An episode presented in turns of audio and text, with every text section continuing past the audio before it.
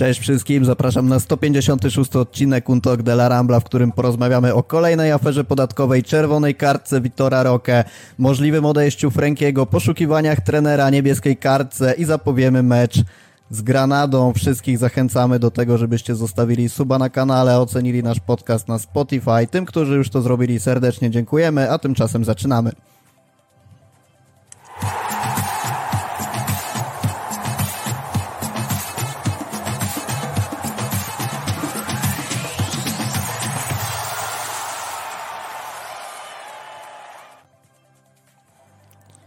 Dzisiaj ponownie w wyjątkowym tercecie Maciek Miko, siemanko.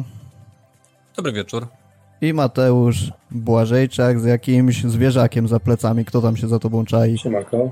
A to nowy członek rodziny, e, piesek Jaruś. Jest bardzo dobrze wychowany, nie szczeka. E, także myślę, że nie będzie sprawiał kłopotu tutaj.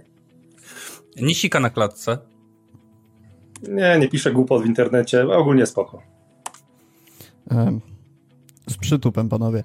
Słuchajcie, był sobie spokojny piątek i myślałem, że będziemy mieć okazję porozmawiać głównie o piłce, natomiast okazało się, że nie za bardzo, bo dosłownie chwilę przed tym, jak mieliśmy zacząć nagrywać, to wyszła kolejna afera. Okazuje się, że jest to spór związany z wypłatami dla agentów piłkarzy z okresu, wiadomo, czyich rządów, Rosja i Bartomeu. Także musimy sobie od tego zacząć, bo nie widzę innej opcji, żebyśmy nie omówili tego tematu. Także nie poświęcimy temu jakoś super dużo czasu, bo tak jak powiedzieliśmy w intro, tych tematów jest naprawdę sporo i są też one na tyle rozgałęzione, że musimy trochę po nich skakać. Natomiast yy, przejdźmy sobie przez to, jak w ogóle odebraliście te informacje, że kolejny trup wypadł z szafy i dotyczy on rządów naszego ulubionego tandemu Rosja i Bartomeu i czy dla was jest to zaskoczenie, czego się spodziewacie w następnych dniach, jak w ogóle to widzicie? Nie, no, no ja mogę. Widzę, widzę, że jeszcze jesteście w ciężkim szoku, nie możecie się wysłowić. To znaczy, to, to jest sprawa, to jest sprawa, która już, e, to, która już była znana od 2020 roku. To było odwołanie od tej sprawy. Teraz, e, teraz nadeszła decyzja od tego odwołania, które zostało e, odrzucone. E, generalnie problem leży w, nazwijmy to, w ocenie tego, jak Barcelona płaci agentom i inaczej widzi to skarbówka, a inaczej widzi to Barcelona. E, to znaczy, skarbówka widzi to jako wypłatę dla piłkarza, który płaci swojemu agentowi, no a klub robi to tak, że to on płaci agentowi. No i tu jest pies pogrzebany, i tak naprawdę na ten moment wydaje mi się, że to niewiele znaczy, bo i tak pójdzie odwołanie do Sądu Najwyższego, czyli patrząc jak takie sprawy się rozwijają, to pewnie jest to bardziej ból głowy następcy Laporty, coś czuje. E, natomiast dla tak krótkiego podsumowania tej sytuacji można powiedzieć, że identyczną sytuację w identycznym okresie praktycznie, bo tam chyba był 11-15, e, taką samą sprawę, o taką sprawę, o samą sprawę sądził się Real Madryt i jak się nie mylę w zeszłym roku dostał inną decyzję do tej samej sprawy i, e, i oni, i ich to odwołanie zostało uznane. Zobaczymy. Widzieliśmy komunikat oficjalny Barcelony, oni właśnie się powołują już na decyzję Sądu Najwyższego, teraz będą się do niego odwoływać. Tak jak mówię, no na ten moment to chyba niewiele znaczy. Zobaczymy, co będzie po Sądzie Najwyższym i to pewnie już, mówię, za jakiś czas grubszy pewnie niż, niż tam za tydzień czy za miesiąc. Mateusz, jak tam u Ciebie? Duże zaskoczenie, że coś się znowu dzieje wokół podatków? Nie chciałbym tu wchodzić w jakieś tam prawne szczegóły. E, jeżeli tak uznała odpowiednia tam komisja E, czy kto się tym zajmuje, no to, no to pewnie mają rację. No, tak samo jest z Negreirą, czekamy. E, co ja tu mogę więcej powiedzieć? No generalnie nie zaskakuje mnie to, nie? E, myślę, że jeszcze wiele takich brudów wyskoczy w najbliższym czasie i musimy być na to przygotowani. Ale ta kwota 23 miliony, którą mielibyśmy zapłacić, powiem wam, robi wrażenie, bo jak czytam sobie, jak my zbieramy pieniądze na poszczególnych piłkarzy, jak wyglądają te ewentualne możliwości transferowe i nagle wyskakuje info, że mielibyśmy zapłacić 23 miliony, to do co tu dużo mówić. Eee, no Tomasz Wiechec, może... standard, standard. Maciek jak zawsze to... argumentować realem, wow. No, argumentować realem, to po prostu są fakty. No, mamy dwie identyczne sprawy, jedna jest rozsądzona tak, a druga tak, no i tyle. E, odwołanie, odwołanie do sądu będzie. To się, e, to, się, to się dowiemy czegoś więcej. Natomiast e, można tylko powiedzieć, że Barcelona tak naprawdę ze skarbówką sądziła się o tam 8 milionów z groszem, a cała reszta kwot to są kary. Czyli to co, to, co robi 23 miliony, to są głównie, głównie kary. Zobaczymy, jak to się potoczy. E, I chyba tyle powiem wam. Ja też nie chcę wchodzić jakoś w dalszą dyskusję odnośnie do tych podatków, bo ani się na tym specjalnie nie znam, żeby roztrząsać, kto tu może mieć finalnie rację. Mamy takich gegatków w redakcji, którzy mogliby się tematem zająć, więc jeżeli nas słuchają, to e, napiszcie na czacie, kiedy jesteście w stanie wziąć udział w takim podcaście i, i przeprowadzić dyskusję, co mogłoby się dalej wydarzyć, a, a ci, co słuchają, to wiedzą, o kim mówię. E, I możemy sobie, myślę, przeskoczyć do tematu związanego z Witorem Roka, czyli kolejną rzeczą, która jest Michał Gajdek. Słuchają, bardzo mi miło, Michał, napisz na priv, kiedy chcesz nagrać ze mną o tym podcast i podywagować, co grozi Barcelonie, bo e, cwaniakujesz z Błażejem na grupie redakcyjnej, a na podcast cię zaciągnąć ciężko. E, ale teraz tak, Witor Roque, panowie. Gol z Osasuną, gol z Deportivo Alaves i czerwona kartka, także wejście do Ligi Hiszpańskiej można powiedzieć z przytupem. Natomiast nie o samych bramkach jest ostatnio głośno, tylko o tym, że właśnie dostał tę czerwoną kartkę, od której Barcelona się odwoływała, w zasadzie od drugiej żółtej kartki, która, której konsekwencją była czerwona. I zacznijmy sobie po kolei, czyli e, w ogóle o tych faulach czyli cze czegoś, czego nie możemy pominąć. Pierwsza żółta kartka za uderzenie łokciem, druga żółta kartka za uderzenie nogą Rafy Marina, jak to zostało określone, w nieprzemyślany sposób. I jak wy to widzicie? Zgadzacie się, zgadzacie się ze słusznością tych kartek, czy, czy któraś powinna nie zostać wręczona Brazylijczykowi? Jeżeli chodzi o tą drugą kartkę, to generalnie zastanawia mnie, nad czym ta komisja się pochyliła w tej sytuacji, bo jeżeli pochyliła się wyłącznie nad kontaktem Roque z obrońcą, no to tutaj generalnie ciężko było uznać, że on tego obrońcy nie dotknął i że te, jakby tutaj tego faulu nie było, prawda? E, problem w tym, że ta interwencja Roque, ten kontakt z obrońcą, wynikał po prostu z agresywnego wejścia obrońcy, a poza tym e, wcześniej mieliśmy sytuację z Pedrim, który był faulowany. Otrzymaliśmy przywilej korzyści, który tak naprawdę nie był przywilejem, bo za chwilę straciliśmy piłkę, tak? E, no i teraz kwestia, co tak naprawdę było rozpatrywane, bo jeżeli sam kontakt, no to generalnie nie było ciężko argument, żeby tę kartkę anulować, bo ten kontakt był, więc jakaś tam jest linia obrony. Nie jest tak to zero-jedynkowe, jakby się mogło wydawać. Pytanie, czy ta komisja brała pod uwagę też wszystko, co się działo wcześniej. Tego nie wiem. Maciek? Nie, komisja nie bierze, nie bierze pod uwagę tego, co stało się wcześniej. Komisja bierze protokół, e, czyta protokół, jak uargumentował sędzia decyzję. E, no i że sędzia uargumentował, o, nie wiem, nie, e, nierozważnym atakiem, E, no to pozostaje tu kwestia interpretacji tak naprawdę. No, widzimy jak to wygląda. Z, po naszej stronie wszyscy byli oburzeni kartką, a po drugiej stronie wszyscy uważali, że kartka była słuszna i to dokładnie tak samo pewnie działa e, na miejscu. Jeżeli komisja nie jest w stanie wykazać, czy my właściwie przed komisją nie jesteśmy w stanie wykazać tego, że sędzia popełnił błąd, no bo samo pokazanie żółtej kartki nie tyle jest błędem, co jest po prostu jego interpretacją tego zagrania. Mm, więc jeżeli Rokę by go naprawdę nie dotknął w ogóle, prawda, e, no to rzeczywiście wtedy ten błąd byłby. Natomiast no jeżeli apelujemy o to, żeby zrewidować żółtą kartkę, która jest argumentowana nierozważnym wejściem, no to tak naprawdę bez problemu to wejście może sobie sędzia podciągnąć i tak jak ja tego nie lubię mówić, ale to się często zdarza, wybroni się z tego i tyle. E, I oczywiście się wybronił. E, przy takich sytuacjach ja nigdy nie wierzę w to, że można taką kartkę cofnąć. E, no bo tak jak mówię, no to jest jakoś podważanie takiej interpretacji sędziego z boiska, co, co wiadomo, że sędziowie w Hiszpanii, czy, czy komisja, czy ktokolwiek inny próbuje się, nie próbuje się tego nie robić zwyczajnie. E, no bo to poddaje pod wątpliwość w ogóle sędziowanie wtedy. Więc musiałby się wyraźnie pomylić, wpisać w protokole co innego, niż faktycznie byłoby widać na filmie, który by oglądała potem komisja. I to byłaby jedyna szansa, dlatego mało kto wierzył w to, że ta kartka zostanie cofnięta. Żeby też pamiętajmy, że my nie, nie chcieliśmy cofnięcia czerwonej kartki, tylko drugiej żółtej, bo też się często tak. mówiło o tym, że my chcemy wycofania czerwonej. Tu nie było czerwonej, tu była druga żółta i to o nią był.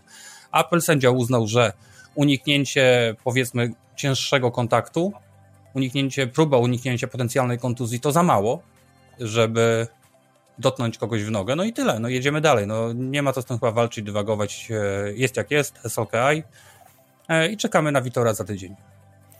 I ogólnie bardziej ciekawi ta pierwsza żółta kartka. Skąd sędzia dostał informację, że tam było takie zagranie, które zasługiwało na tę kartkę? No z waru, to no, na pewno. No właśnie, a czy warto powinien interweniować przy żółtej kartce? Pewnie, że nie. Pewnie, że nie. Dowiemy się, e, że, że Romero w jakimś wycieku audio pewnie wkrótce. Który stoi i nie reaguje, tak?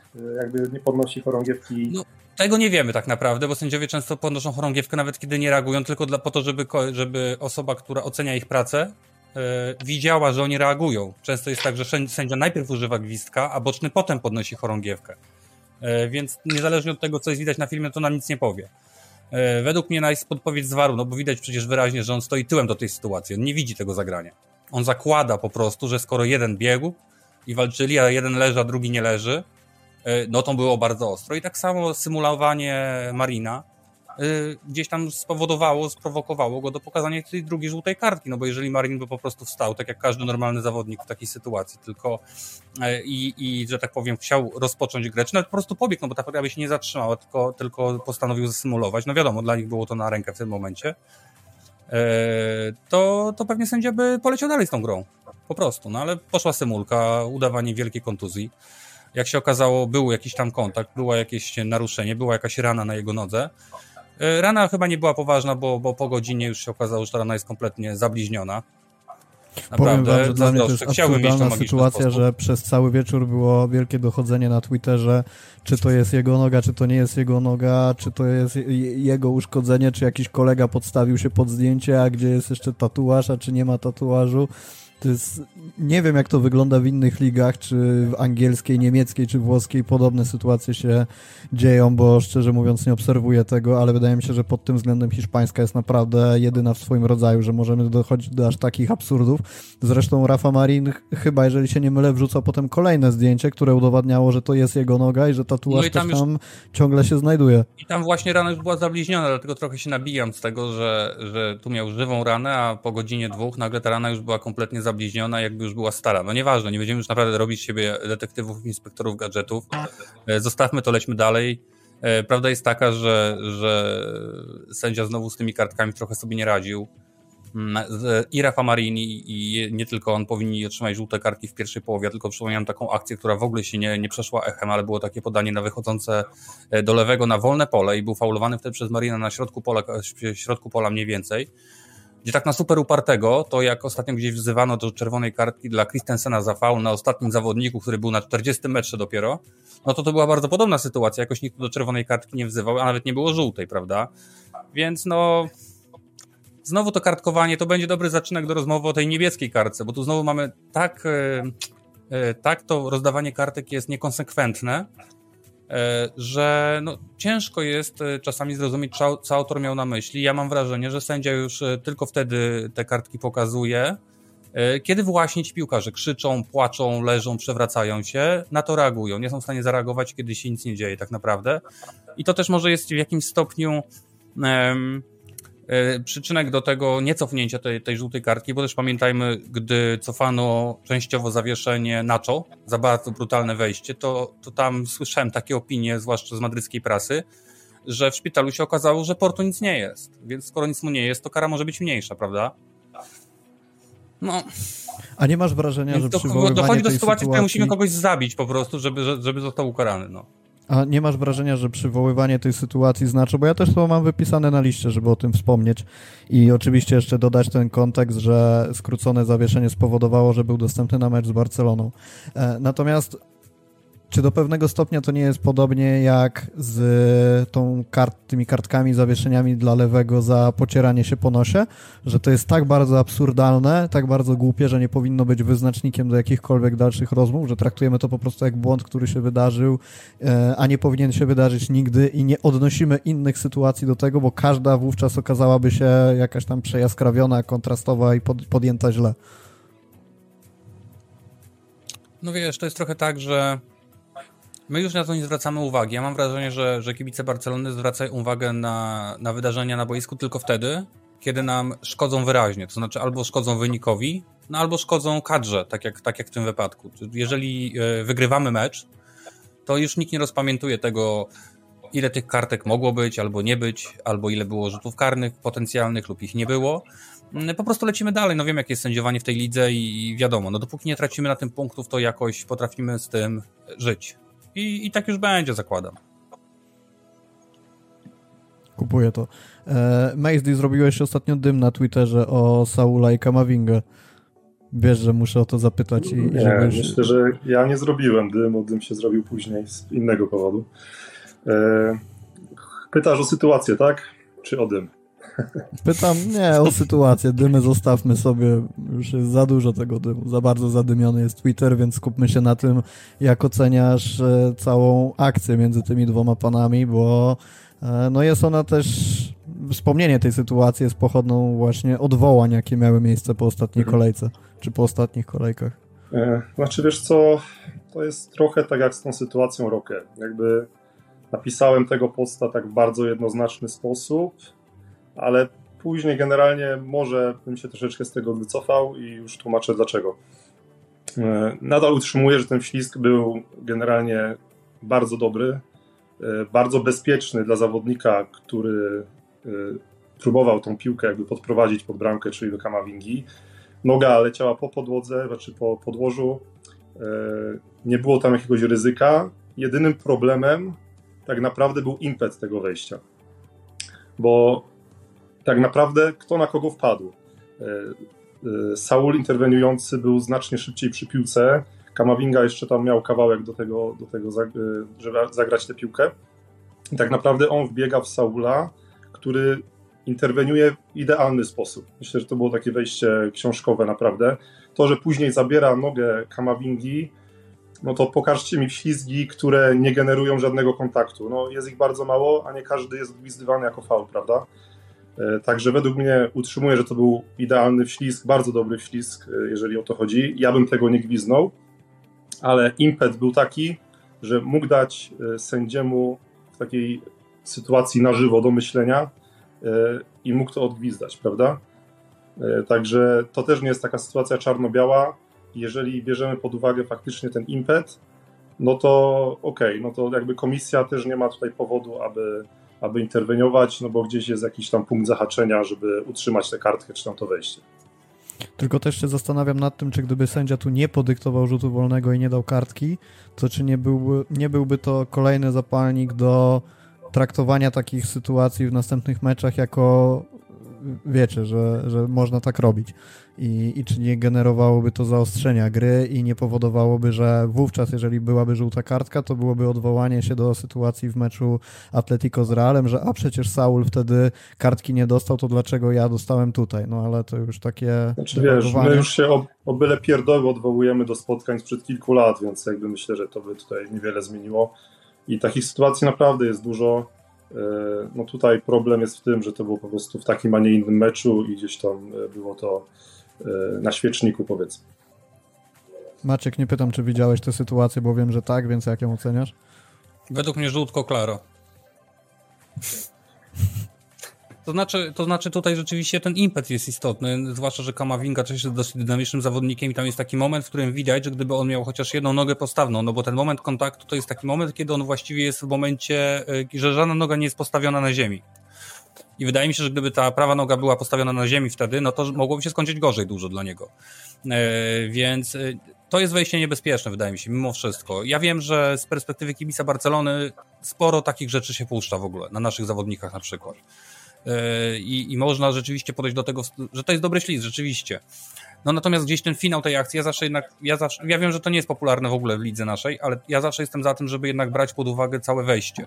E, to znaczy, wybicie piłki spoko, jasne, natomiast no, to, co się dzieje później też jest istotne i, i nieraz y, mam pretensje do sędziów, że właśnie potrafią gdzieś takie dosyć ostre, agresywne wejście, mimo nawet tego, że wydaje się z jednej strony czyste, e, puścić i wtedy jestem zły. I tak zawsze kalkuluję. Gdyby to było na zawodniku Barcelony, na przykład na Pedrim, to bym się wkurzył.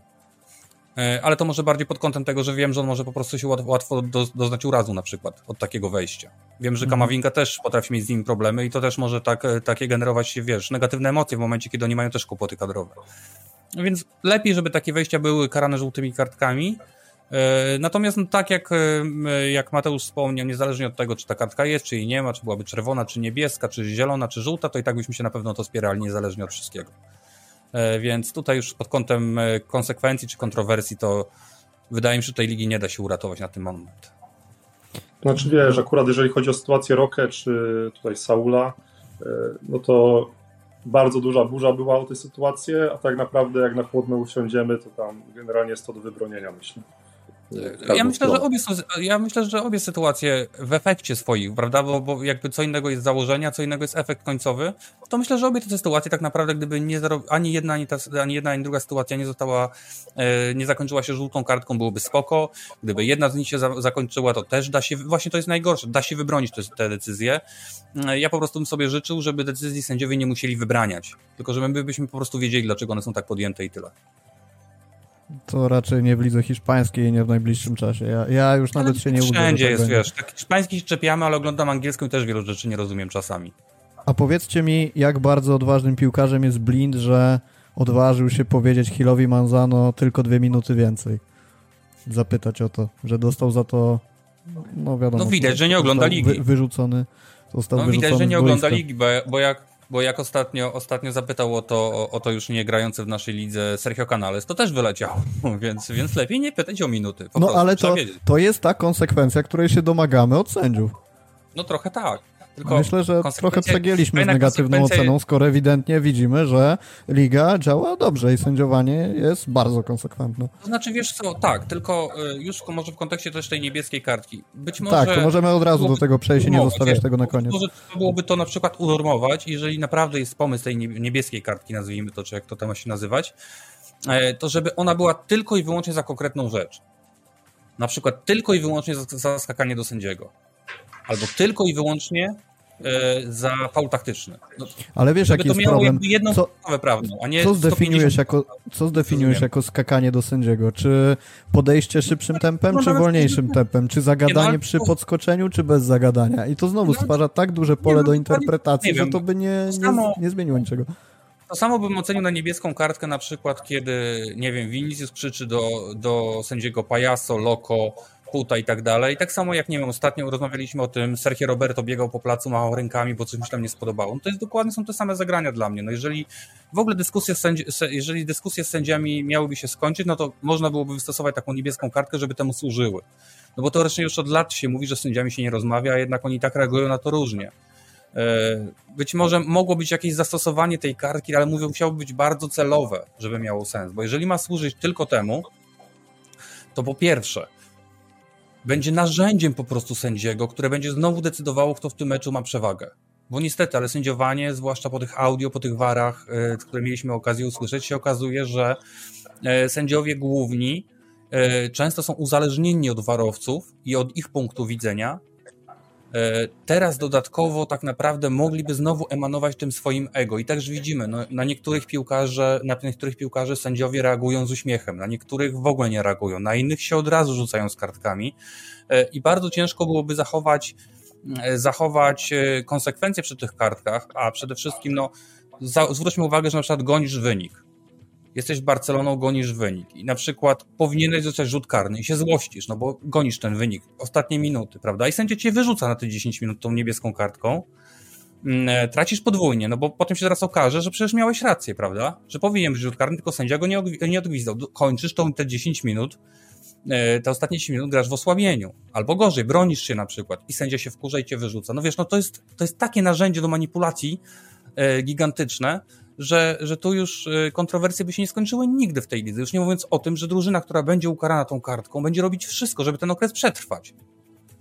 Czyli co będzie robić? Będzie leżeć, będzie nóżka bolała, będzie trzeba zmianę przeprowadzić akurat wtedy, trzeba będzie piłkę wykopać za stadion, prawda? 17 razy wyrzucać piłkę z autu, no i takie rzeczy. No przecież wiadomo, że jak ktoś gra w osłabieniu, to próbuje ten okres przetrwać. No wyobraźcie sobie sytuację z Cancelo ostatnio, który 4 minuty był chyba opatrywany, czy 5 minut, no to my wtedy te 5 minut się mecz nie, nie toczył po prostu.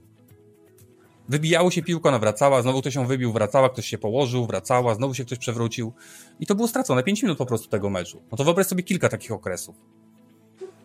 To by miało sens, dziwi, jeżeli byśmy zatrzymywali narzędzi. czas jak w piłce ręcznej, tak? Ale w obecnym no mi się systemie wydaje, jest, to jest absurdalne. Jest to, no ale zobacz, jeżeli potrzebujemy, żeby rozegrać mecz efektywny, 60-minutowy efektywny mecz, potrzebujemy średnio w La Liga 100-150 minut. Prawda? E, no to co się zmieni generalnie, kiedy ten czas będzie zatrzymywany? Ja mam wrażenie, że te mecze się jeszcze wydłużą. Że się nikomu nie będzie spieszyć, bo i tak musisz dobić do tego czasu. Będziesz chciał odpocząć, to będziesz 3 minuty leżał i udawał kolano. Bo sobie chwilę odsapniesz, a i tak ten mecz musi się dokończyć do tego czasu, nie? Więc to znowu jest takie, od regulowania czasu gry są sędziowie. Mają wszystkie możliwe narzędzia, żeby kontrolować tempo meczu. Więc jeżeli sędziowie tego nie robią, mając te narzędzia, to to, że ograniczymy ich czasem, niewiele zmieni. I nadal te mecze będą trwały tak długo, tylko będą nas jeszcze bardziej wnerwiać, bo się będzie ten czas zatrzymywał i będzie tak długo stał, aż ten ktoś się wreszcie podniesie, otrzepie, uśmiechnie i stanie znowu do grania. Obie te, według, oba według mnie te pomysły niczego dobrego nie przyniosą. E, dla mnie piłka nożna, jedyna szansa na dobrą piłkę nożną to upraszczanie tych przepisów, a nie jeszcze bardziej gmatwanie. Kolejne opcje, warianty i tak dalej, i tak dalej. Nie macie wrażenia, że ta niebieska kartka to może być takie alibi dla sędziego, że dobra, nie ukaramy zawodnika, który powinien dostać drugą żółtą kartkę, bo to tak. może być odebrane, albo ktoś ma taką, a nie inną prasę, więc dajmy mu niebieską, za 10 minut wróci i wszystko będzie ok. Tak, niby znaczy, coś zrobiłem, ale nie do końca zaszkodziłem, więc ja mam co, czyste można... a media na takie... mnie nie siądą aż tak bardzo. I to jest takie zastosowanie, które bym jeszcze zrozumiał, że to była po prostu kolejność. Żółta, niebieska, czerwona. Powiedzmy. To ja bym taką jaka, jaka byłaby rola wtedy niebieskiej w tej kolejności? No niebieska to będzie takie dodatkowe ostrzeżenie, wiesz, nie wylatujesz na stałe, ale zagrałeś na tyle nierozważnie mając żółtą kartkę, że tracisz 10 minut meczu, twoja drużyna jest osłabiona, ale przez te 10 minut na przykład i kiedy znowu przekroczysz te przepisy, no to wylatujesz definitywnie. Mhm. Mm, e, natomiast no to jest jakieś takie zastosowanie, które ja bym powiedzmy zrozumiał. Wydaje mi się niepotrzebne, ale powiedzmy dałbym radę jakoś to ogarnąć. Ale takie losowe je wyrzucanie i teraz my się kłócimy, czy żółta, czy czerwona, czy w ogóle, a tam będziemy się kłócili w ogóle, żółta, niebieska, czy czerwona. I, i, I, co to, komu ma to pomóc jakby? Co to ma zmienić? I będziemy się teraz kłócić, bo ktoś grał 10 minut w przewadze, albo 40 minut w przewadze, wyobraź sobie. Grasz w tym meczu. No to tak jakby ci zawodnicy dostali czerwoną kartkę w drugiej połowie faktycznie, tylko nie wiadomo którzy. Prawda? Albo no, a, co a co się stanie, jak bramkarz taka... dostanie? A co się stanie, jak bramkarz dostanie niebieską kartkę na przykład? To co wtedy? O, a to jest, to jest ciekawe, nie zastanawiałem się nad tym, powiem ci. No właśnie, no. A jeżeli niebieska jest za dyskusję, a Blind podszedł po meczu, czy tam pod koniec meczu, to te 10 minut mu przechodzi na kolejny. Za, tak, zaczyna od tego. A jak, a jak na przykład tak jak jest w Hiszpanii, musisz mieć 7 zawodników pierwszego zespołu na boisku i wychodzisz z czterema zawodnikami nie, niezgłoszonymi w pierwszym zespole i jeden z podstawowych dostaje żółtą kartę, tą niebieską kartkę i musi zejść na 10 minut. W tym momencie nie masz tych siedmiu zawodników pierwszego zespołu. Czyli co, walkover od razu? No to jest, widzisz, no to, to, są, to są, że tak powiem, sytuacje, które i tak są przecież nierozwiązywalne. Można powiedzieć, nigdy nie będą ukarani młodzieżowcy, albo nigdy nie będzie ukarany ostatni siódmy zawodnik na boisku, ani bramkarz. No to jest, mówię, no to jest taki bezsens kompletny. To jest dokładnie to samo, co kiedyś był pomysł, żeby spalonego e, dawać większy jakby spektrum do spalonego, że jak tam 5 cm, 10 cm, może 7,5, no ale co to zmienia? No to będziemy szukali no to tych milimetrów. Jedno z głupszych rozwiązań, o jakich mówiło się w kontekście No bo tak czy siak e, będziesz szukał tych milimetrów przepisów. na końcu przecież, nie? No tak, tak, e, tak. Więc mówię, no piłka to jest prosta, prosta sprawa, no ja bym naprawdę sobie życzył, żeby coś było klarowne, a mi się wydaje, że te wszystkie przepisy, które wymyślają, to sprawią, że my będziemy jeszcze mniej rozumieć z tych meczów, z tego sędziowania powiedzmy sobie szczerze, wprowadzenie niebieskiej w Hiszpanii nie przyniosłoby niczego dobrego. Ja nie widzę szansy na to, żeby to funkcjonowało poprawnie w momencie, kiedy jest taki bajzel, jaki jest aktualnie. No, no nie, po prostu nie. Aczkolwiek jestem też ciekawy, jak do tego podeszli pomysłodawcy, bo jeżeli my w ciągu 10 minut jesteśmy w stanie wymienić jakieś 20 wat tego wprowadzenia tego, tego rozwiązania, to gdzie oni byli i gdzie jest ich karteczka z wadami i, i co, co postanowili, jak do tego podeszli, że jednak stwierdzili, że oleją tę listę i, i zaczną to testować, bo dla mnie to jest niesamowite. E, jest tyle obszarów, to o tym Krzysiek Rot wspomniał na Twitterze, że jest tyle obszarów, które można poprawić na czele z funkcjonowaniem waru, z procedurami korzystania z niego, z prowadzeniem challenge'u na wzór, na wzór siatkówki, a skupiają się na tym, żeby wprowadzić dodatkową kartkę. I, no nie, nie wiem, jakby zostawmy to może, bo niewiele o tym wiemy tak naprawdę i nie jest to melodia najbliższej przyszłości. Eee, ale no ciekawy aspekt, który myślę warto było poruszyć. E, pojawiło się ostatnio na stronie info o tym, jak funkcjonują gabinety pod władzą Deko. My też o tym wiedzieliśmy. Wiedzieliśmy, że nie do końca dogaduje się z Szawim. Szawiego od przyszłego sezonu nie będzie, będzie Deko. I związana z tym oczywiście zmiana trenera. Pojawiają się informacje, że jest jeden obóz kandydatów, którymi właśnie mniej więcej jest zainteresowany Deko, czyli Rafa Marquez, Tiago Motta. Mówi się też o Consensao Sporto jako przedstawicielu tej floty Mendesza.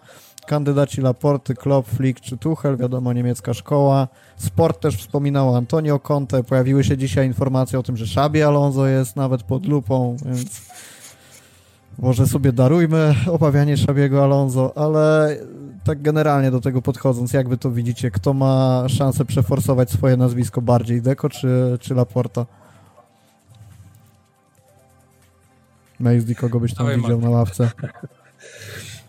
Nie wiem, co gorsze, wiesz, y, czy wybory Deko, czy wybory Laporty w tej chwili. Y, generalnie te nazwiska, które pojawiają się gdzieś tam w mediach, czyli Flick, y, Michel i trzecie nazwisko, przypomnijcie mi teraz szybko. Mm. Nagelsmann Klopp. Nie, nie, nie, takie bardziej. Dezerbi, przepraszam. Dezerbi. A, Dezerbi. O, Dezerbi, zapomniałem tak. o nim. No to powiedzmy, że te trzy nazwiska mi pasują. Nie są oczywiście idealne, każdy ma swoje wady. E, Flick gdzieś tam wypalił w jednym klubie, nigdy poza, e, poza Bayernem gdzieś tam w klubie nie pracował, więc tu jest jakiś znak zapytania. E, Michel z kolei wypalił w trzech kolejnych klubach hiszpańskich, ale nie ma doświadczenia w Europie. A jeżeli chodzi o Dezerbiego, no to powiedzmy, że pracował z mniejszymi klubami, ale z kolei on tutaj bardzo dużo mógłby zadziałać w kwestii Lamassi, wprowadzania zawodników, e, których no, nie jesteśmy w stanie ściągnąć. E, tutaj myślę, że on by sobie najlepiej poradził, jeżeli chodzi o takie braki kadrowe. Nawet ciężko mi wskazać mojego faworyta z tej trójki. Jeżeli byłby to ktokolwiek z nich, to będę zadowolony po prostu. Maciek, ty masz jakiegoś faworyta? No ja mam zawsze jakiegoś faworyta, to znaczy tak, Flika bym się trochę obawiał, bo tak jak Mati wspomniał, no chłop pracował do tej pory półtora roku samodzielnie w klubie.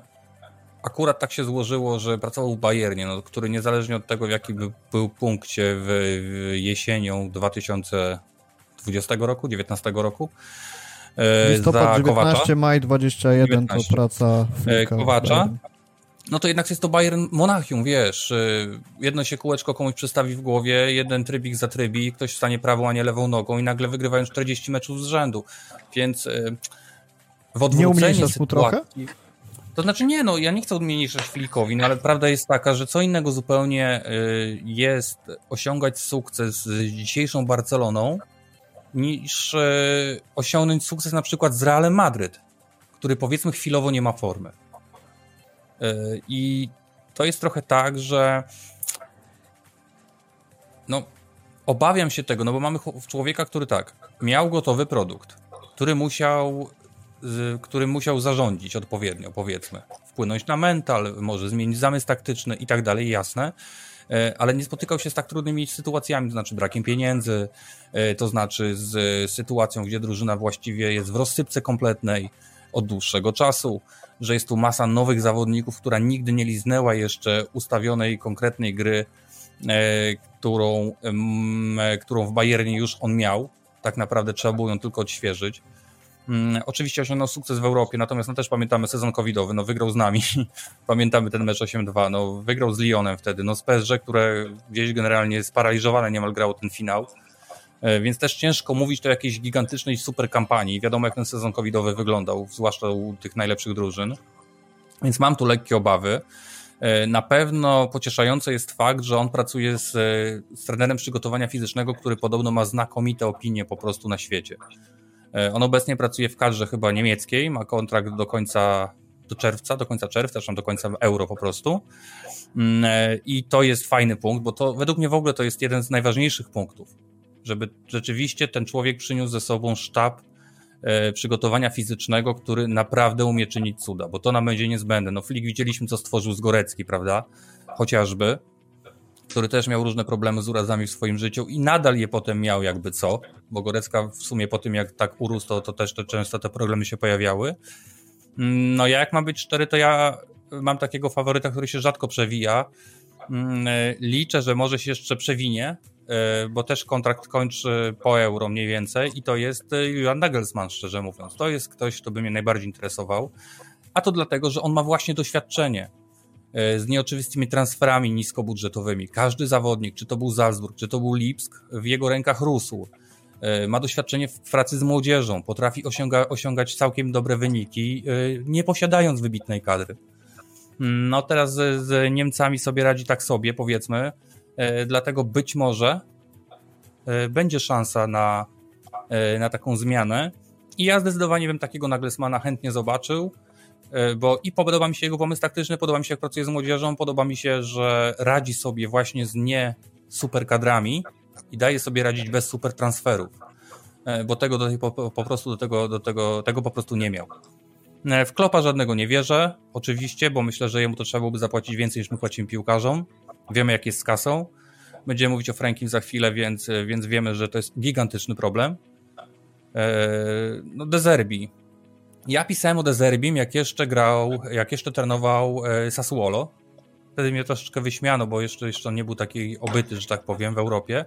Dopiero, dopiero Premier League dała mu tą ekspozycję europejską. E, I on wtedy mi się bardzo podobał jako trener. E, wiadomo, nie ma wtedy odpowiedniego doświadczenia, też w Europie przede wszystkim. E, natomiast teraz, no, wydaje mi się, że na takiego trenera może nam brakować cierpliwości zwyczajnie. To znaczy, on będzie pewnie potrzebował trochę czasu, żeby osiąść, żeby opatrzeć, i, i zacząć tworzyć. E, no a wiemy, jaka jest cierpliwość w Barcelonie i e, dlatego e, troszeczkę jestem rozczarowany tym, że klub tak chętnie zostawił ten sezon w rękach Czawiego, no bo się boję tego, że po prostu ktoś tu wpadnie, na przykład 1 lipca, czy właściwie po euro, ktoś tu wpadnie nagle i zanim tą kadrę otrzyma, zanim się jej przyjrzy, to się sezon będzie rozpoczynał. A wiemy, że my możliwości transferowe mamy żadne w tym momencie. E, bałbym się sprzedawać ważnego zawodnika e, w tym momencie, kiedy nie znamy jeszcze trenera. E, no, dużo wątpliwości bardzo budzi, budzi u mnie w ogóle praca wokół tego, wokół tego, tego zadania i na pewno na 100% jestem pewien, że Deko takiej batalii z Laportą nie wygra. To od razu podrzucę wam pytanie od Piotrka Boguckiego na Twitterze. E, w sumie od razu nasuwa się następne pytanie. Czy trener nie powinien zostać wybrany już teraz, żeby spokojnie planować kadrę? To niepoważne, że Deko zaczyna planować bez najważniejszej osoby w tej układance. Po co od samego początku kwasy z trenerem wybranym w czerwcu?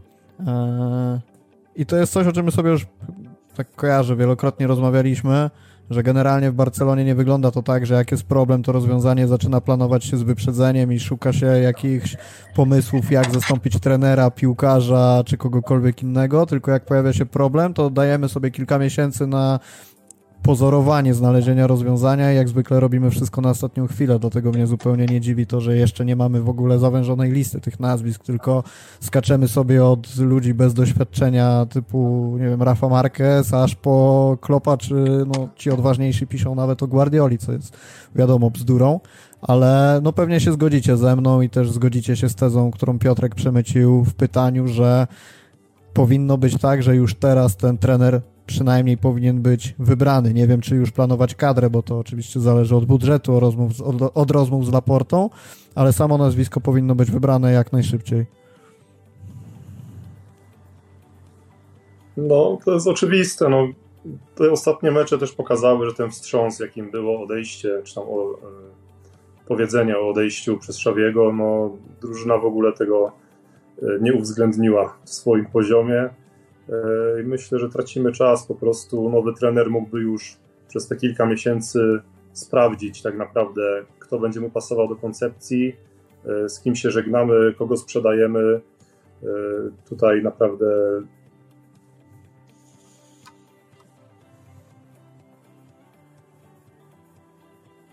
Nie słychać cię, mordo. Mam jakiś problem tutaj z telefonem. Teraz git. Teraz, Teraz... Okay. Dobra, nie wiem na czym stanęło. E, ale generalnie e, okres, który teraz przepracowałby nowy trener, pozwoliłby nam na dużo więcej w okresie przygotowawczym e, już latem, tak? wiedzielibyśmy na czym stoimy, kogo możemy sprzedać, jakie ruchy możemy zrobić. E, myślę, że ten okres, kiedy on by przyszedł, powiedzmy gdzieś tam w lipcu, może, może to być za mało może nam zabraknąć czasu na ewentualne transfery z klubu. Na wszystko nam zabraknie czasu. Też pamiętajmy, że e, mamy całą masę piłkarzy wypożyczonych i też nie do końca wiemy, co się z nimi będzie działo. E, taki trener, gdyby już był, albo chociażby gdyby był wybrany na przykład, w jakim stopniu ogłoszony, że mógłby już spokojnie się rozglądać, być może będzie wcześniej wybrany, będzie o tym wiedział, tylko my nie będziemy. Ja też bym sobie, to ja też nie mam z tym problemu. Ja nie muszę wiedzieć, żeby on wiedział. No bo też trzeba ocenić tych powracających piłkarzy i nie wiem, mamy na przykład Serginio Desta, który wiadomo jak się u nas spisywał, a na przykład w PSV gra świetnie. Wiadomo, inna liga, inne otoczenie, no, ale jest zawodnikiem, którego na przykład trener X może chciałby mieć, spróbować wykorzystać, bo na przykład wie, że nie będzie miał Alonso, wie, że nie ma kasy i na przykład będzie decydował, czy wrócić Desta, albo czy na przykład wrócić Waje. E, I który z nich powinien grać? Mógłby ich poobserwować, zobaczyć, jakie mają e, między sobą, że tak powiem, jakie przewagi mają na pozycjach, jak się spisują, czy wypełniają te taktyczne założenia, które na przykład on by sobie wyobrażał w swoich obecnych klubach i czy idzie im to dobrze. No jest masa założeń, no mógłby podglądać piłkarzy Barcelony na tym etapie i dopasowywać sobie ich do własnej koncepcji na bazie tego, co prezentują Czawiego. No jest masa rzeczy, które mógłby już przygotowywać. Natomiast, no tak jak Mateusz wspomniał, no jeżeli my po euro i, za, i od razu przecież pojedziemy do jakiegoś, do jakichś Stanów czy do, innych, do innej Japonii e, i skończy się tym, że my będziemy mieli dwutygodniowy okres przygotowawczy, e, nic na, w czasie tego okresu nie zmienimy, czyli wejdziemy w sezon tak naprawdę no, bez przygotowania i ten sezon od początku będziemy już przecież oceniać nowego trenera.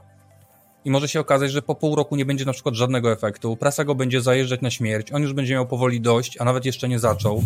Piłkarze będą się znowu zwijać, prawda? No właśnie o to chodzi. E, mi się wydaje, że naszym największym błędem jest to, że my właśnie nie przygotowujemy niczego. Transferów nie przygotowujemy, nie przygotowujemy właśnie tranzytów trenerów. Mm, e, I potem nagle działamy szybko, nie ma już na nic czasu i rozliczamy natychmiast.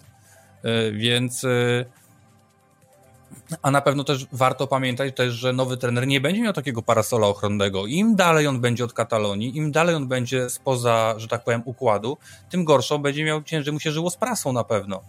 E, więc oni będą po nim jeździć cały czas, a na pewno się od razu pojawią porównanie do Szawiego i było, o, za Szawiego było lepiej, o, patrz, nic nie dała ta zmiana. No przecież tak będzie od razu i każde potknięcie będzie mu wypominane.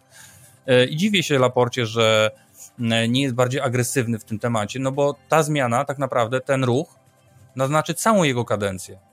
Bo na ten moment jest, mamy trzyletnią kadencję, gdzie tak naprawdę no, ciężko coś dobrego powiedzieć. Jest mistrzostwo, ale w sumie do tej pory to głównie gadamy o Negrejrze, e, o graniu w Lidze Europy, o źle, że tak powiem, czy nie do końca przemyślanych transferach, które zostały bardzo ciężko wyszarpane z gardła po prostu pieniądze, a zostały spożytkowane bardzo łatwo i nie do końca przemyślanie, jak teraz widać. E, więc to jest naprawdę ostatni dzwonek dla Laporty, żeby jednak ta druga, znaczy druga, powrót do klubu był jednak odbierany pozytywnie, bo na ten moment ciężko go tak odbierać. Wspomniałeś o tym, że E, być może poznamy nazwisko trenera później niż poznaje Barcelona i zastanawiam się, czy to w ogóle jest w tym klubie możliwe, żeby cokolwiek nie wyciekło poza gabinety i poza szatnie, czy tam Javi Miguel nie siedzi już pod biurami i nie czeka tylko z Twitterem, żeby podać nazwisko nowego trenera. I swoją drogą to jest też taka rzecz, którą mam nadzieję, że się zmieni, bo z jednej strony fajnie jest wiedzieć o, o wszystkim, co się dzieje od, od Javiego Miguela i słuchać tych e, w zasadzie na żywo wydarzeń, które on relacjonuje, natomiast no, powoduje to tak duży wyciek danych z klubu, że zastanawiam się, czy takim warunkiem wejściowym jednego z tych kandydatów na trenera nie będzie to, żeby to trochę ukrócić, ale to już e, też, też pewnie jakiś tam warunek na przyszłość, jak już poznamy chociaż nazwisko bardziej prawdopodobnych kandydatów, a nie będziemy się poruszać w takim dużym obszarze niepewności. Może pogadamy Myślicie, sobie trochę o piłce. Że no dawaj, dawaj. Myślicie, że może być trenerem jakieś nazwisko, które jeszcze nie padło w ogóle w mediach? Oby nie. Wydaje mi się, że nie. Mam wrażenie, nie, bo że... mam wrażenie, że kręcimy się wokół tych najlepszych możliwych nazwisk, nawet takich, których, na które nie mamy szans. Natomiast pojawienie się kolejnego, no to ktoś musiałby Moim... zostać nagle zwolniony po prostu, na to, na, na to znaczy, wychodzi co, Ja pomyślałem na przykład o Galardo, gdzieś tam No tak, tylko że ten Gajardo, co się do tej Europy pchał tyle czasu, ale y, z tego co ja wiem, bo dużo kiedyś czytałem, jakim Gajardo jest trenerem, to on dlatego trafia ostatecznie do Arabii Saudyjskiej, czy tam do Kataru, czy gdzie on tam poszedł, bo on oczekiwał drużyny, która będzie spełniać jego oczekiwania, jeżeli chodzi o transfery. On chciał mieć drużynę, która od razu, że tak powiem, z marszu zrobi to, co on powie. No u nas tego nie będzie, niezależnie jak dobrym on jest trenerem, bo tego też nie do końca, nie do końca wiem, bo on ma tylko bycie z Ameryki Południowej, z sukcesami, ale też z dużą ilością e, problemów pozabojskowych, takich powiedzmy nieporozumień, przeróżnych, kłótni i przepychanek, e, ale on dużo oczekuje na pewno. Dlatego on według mnie czekał cały czas na, na, jakiś, na jakiś telefon z Premier League po prostu, kogoś typu Newcastle, kto mu po prostu da, wiesz, carte blanche i kupuj co chcesz, rób co chcesz, wszystko jest twoje. No u nas tego nie będzie na pewno, więc wydaje mi się, że w ogóle nie, ma, nie byłoby tematu. Czy mi, mnie się wydaje, że jeżeli to będzie nazwisko spoza tej listy, to będzie świadczyć to tylko o tym, w jak złej sytuacji jesteśmy finansowo i organizacyjnie, że nie jesteśmy w stanie nikogo z topu zagwarantować, nikogo z tego niższego topu pokroju Motta, Conceição i że wojny między Deco i Laportą są na tyle duże, że Rafa Marquez też odpadł. I pojawi się po prostu nazwisko jednego zapychacza, który wskoczy jako jedyna dostępna alternatywa i, i będziemy się z tym bujać. Ale nie, myślę, myślę, że koniec końców trafi ktoś. Ja, ja mam jakąś czutkę, że to może być ten flik, ale zobaczymy. Powiem wam, że po tej sytuacji, po tych wszystkich sytuacjach z transferami to niczego nie jestem pewny. Ale to kiedyś na przykład Mateusz, ty chyba wspominałeś, na przykład, bo wspomniałeś Van, Van, Van Bronckhorsta, ale na przykład ty też chyba kiedyś wspomniałeś o Van Bommelu na przykład. Van no, Bommel ja robi złą robotę. Wymieniałem nazwiska, które mogą brać pod uwagę ze względu na DNA, powiedzmy, tak? Ale wydaje mi się, że Van Bommel akurat robi niezłą robotę. W Antwerpia mi się podobało, tak jak grają, tak jak są pewni swego, tak jak presują generalnie. Tylko no też no, nie ma tego bycia europejskiego z wielką piłką, wiadomo, no to są te Ale same kłopoty. W Niemczech chyba gdzieś tam się spalił, nie? A powiem ci, że nie wiem, co było wcześniej. Chyba w Wolfsburgu bodajże. To, wydaje mi się, że to będą ostatecznie te, te same problemy, które były z Szawim. Te same kłopoty, brak doświadczenia, brak umiejętności zarządzania kadrą, brak e, pracy z wielkimi gwiazdami, przynajmniej na papierze e, wielkimi gwiazdami, bo wiadomo jak oni grają w Barcelonie. E, że, że będzie dokładnie to samo, będzie była legenda, Dena, pierdy, śmierdy, dupa smar, smarujemy, a tak naprawdę na koniec dnia i tak jak nie będzie wyniku, to będziemy zasłaniali się sentymentem. Więc tutaj ja bym się bardzo obawiał zatrudniania kogoś, kto tutaj kiedykolwiek był nawet na wakacjach, powiem Ci szczerze. Naprawdę chciałbym, chciałbym tak bardzo mieć kogoś spoza tego całego układu, bo cała Barcelona to wygląda jak jeden wielki rodzinny obiad powoli. Mm, a ja bym chciał jednak, żeby to był obiad w restauracji, a nie u kogoś tam u babci Heni i żebyśmy się dobrze bawili, a nie żeby oni się dobrze bawili. Bo takie mam wrażenie na razie, że to wszystko się kręci tak, żeby oni mieli dobrze, a nie my tutaj kibice po drugiej stronie. Boję się, że mógłbyś na porcie jeśli... nie przetłumaczyć, że ma się nie bawić dobrze. Nawet niech się bawi, no, z nami niech się bawi, a nie z. Wiesz, jako innymi zawodnikami byłymi zawodnikami, którzy gdzieś tam już przesiąkli tym wszystkim. No tak, no wiesz, no Laporta nie lubi sprzeciwu, więc to układa takich ludzi, którzy mu się nie będą sprzeciwiać. No Alemani powiedział, nie bardzo się zgadzali z Alemaniem, to go pogonił. No Reverter nie chciał wydawać pieniędzy, to go pogonił. No niestety każdy profesjonalista, który e, bardziej potraktował pracę w Barcelonie jako pracę, na powiedzmy w firmie, która cienko wszędzie i musi się ten, ten wynik poprawić zwyczajnie, żeby lepiej funkcjonowała, no to został stąd pogoniony, tak, albo sam odszedł, bo nie miał, bo miał tego dość. No to, to chyba najwięcej mówi o tej administracji.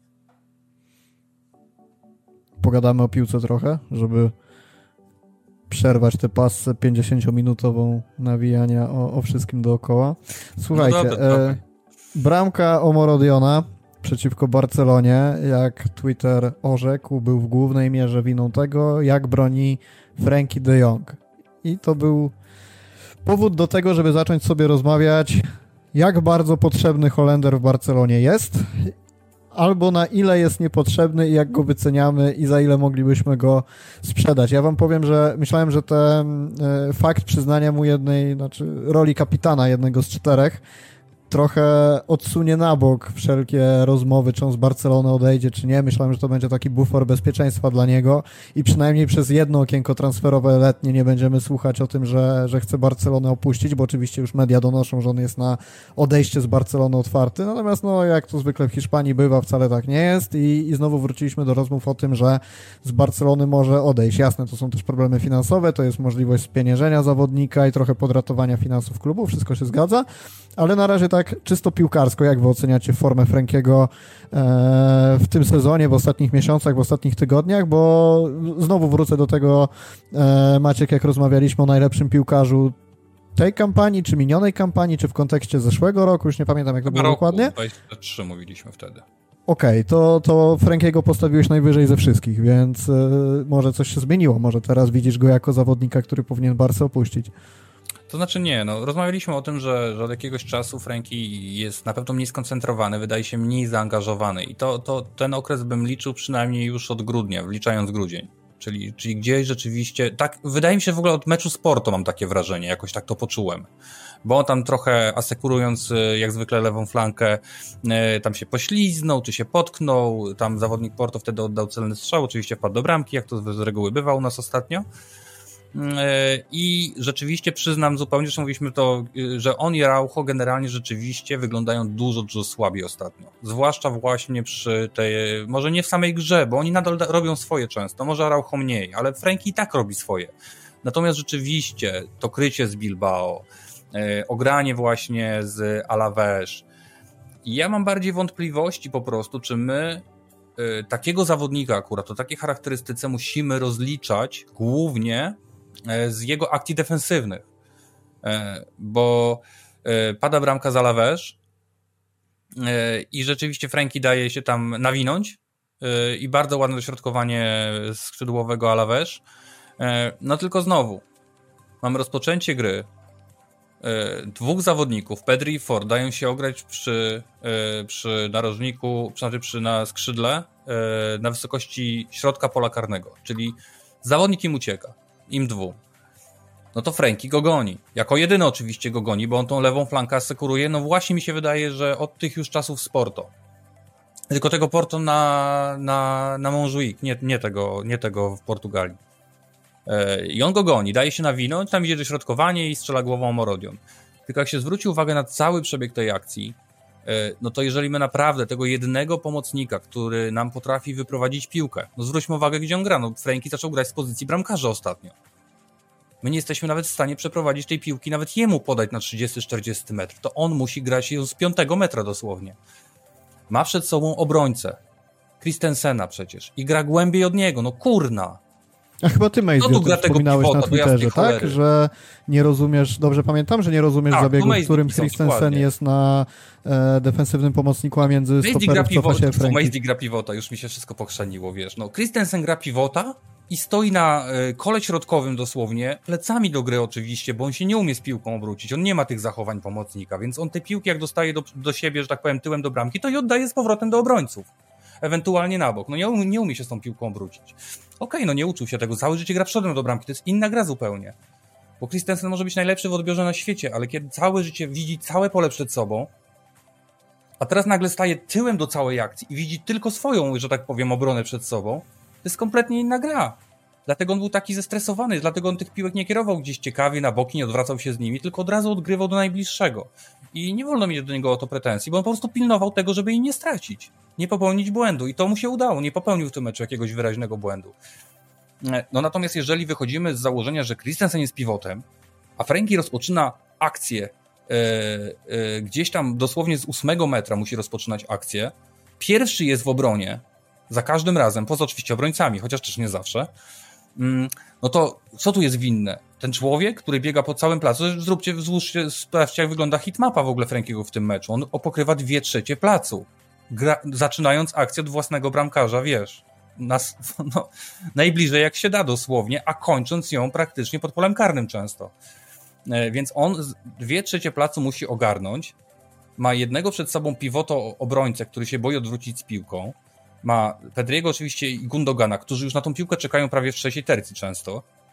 E, I, I my go rozliczamy. I on ten cały mecz tą piłkę tak rozgrywa, jak tylko się da, żeby ta piłka trafiła do przodu.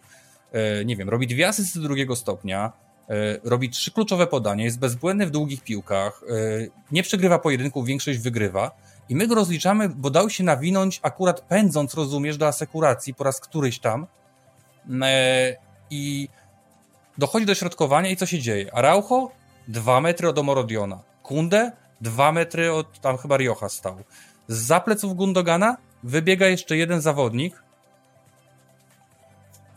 wybiega jeszcze jeden zawodnik z pleców Gundogana, więc w momencie podania, oczywiście przed tym zawodnikiem, który mija Frankiego jeszcze jest Kubarsi i Christensen, czyli pięciu zawodników w polu karnym kryje trzech zawodników na radar i gdyby na przykład Omorodion się potknął albo wyparował, to następny zawodnik już biegał na ten strzał. Gdyby ten drugi zawodnik wyparował, to ten zawodnik, którego krył Kundę, był trzeci do tej piłki.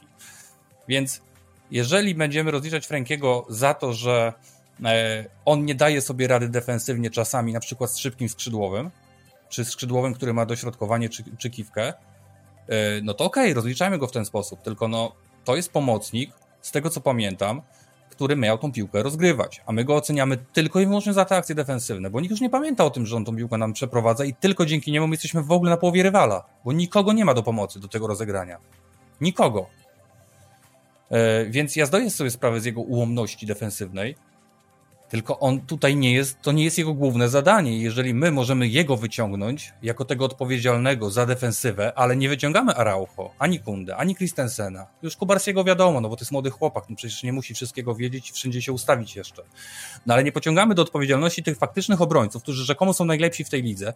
No na pewno Christensen i Araujo byli uznawani za poprzednią sezonie za najlepszych zawodników i oni zawalają bramkę za bramką, ale tak naprawdę gramy tylko Frankiem. I to jest trochę irytujące, jak mam być szczery. Bo nie skupiamy się na tym, co on nam daje, tylko czekamy, aż popełni błąd. Był taki nasz kolega. Obecnie Zubi Mendista. Kiedyś, kiedyś miał chyba inną ksywę. Co liczył błędy Erika Garcia. I co z tego, że chłop zagrał 90 zajebistych i minut, jak popełnił jeden błąd. No to już był tylko ten błąd był wy wytykany. I tak samo jest z Frankiem generalnie. Zwłaszcza, że ciągle się skupialiśmy na tym, że przecież on zarabia 40 milionów czy Bóg wie ile. No jak się okazuje, wcale tyle nie zarabia przecież. Przecież on ma podstawę taką, powiedzmy, średnią plus w, w Barcelonie. Więc y, wydaje mi się, no, że to jest znowu próba wygenerowania jakiegoś, y, y, jakiegoś nacisku na zawodnika, który być może będzie bardziej skory do odejścia dzięki temu. I wcale się nie dziwię, jak będzie, bo wydaje mi się, że on ma tego dość powoli. I nie chodzi mi o nagonkę, bo wcale jej nie było w tym roku za dużo. Teraz się dopiero rozpoczęła od powiedzmy dwóch tygodni, e, ale ma dość w ogóle generalnie. Bo jest w klubie 5 lat, gra na tysiącu pozycji znowu, zagrał jeden sezon, gdzie dostał pozycję, pomysł poprzedni i to szło i poszło, rozumiesz? I wszystko grało ładnie.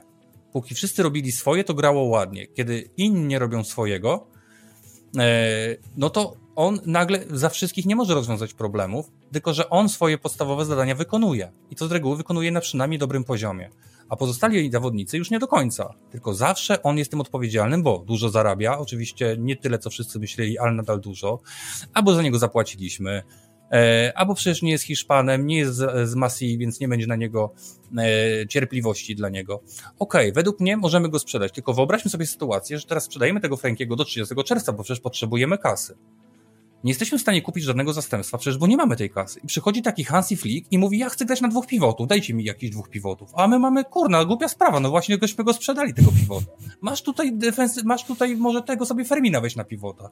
Prawda? To jest na tej zasadzie. Albo Roberto przedłużymy, on podobno dobrze tam Ale już, zagrał, się, już to dzisiaj słyszałem, że może jednak Ty, się ja uda. Żart, żartowałem. Ale było ale... to już dzisiaj, wiesz, że może się uda, bo się zaraz okazuje, że nawet nie będzie, rozumiesz, pięciu milionów na kogoś.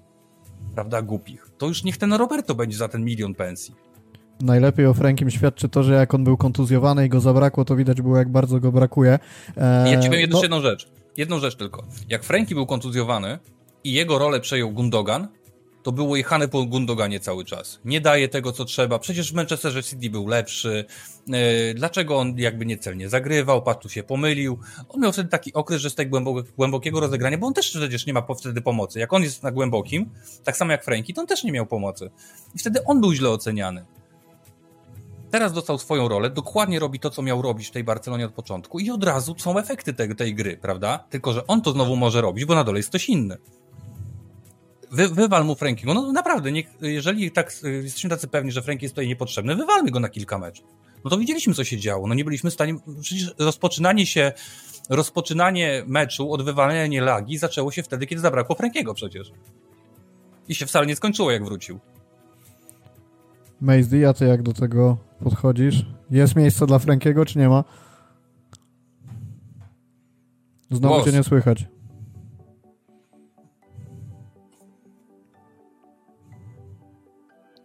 Nadal cię nie słychać.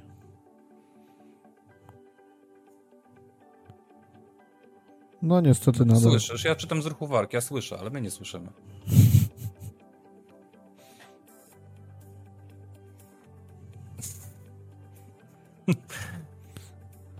Bo tutaj, aha, bo to są jakieś próby.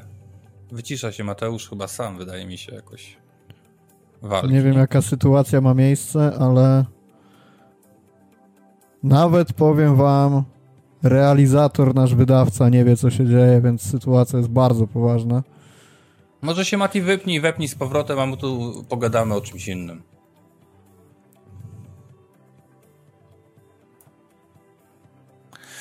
E, dobra, bo, bo Mateusza na razie Walczymy nie ma. z problemami technicznymi. O, teraz coś może Mateusz?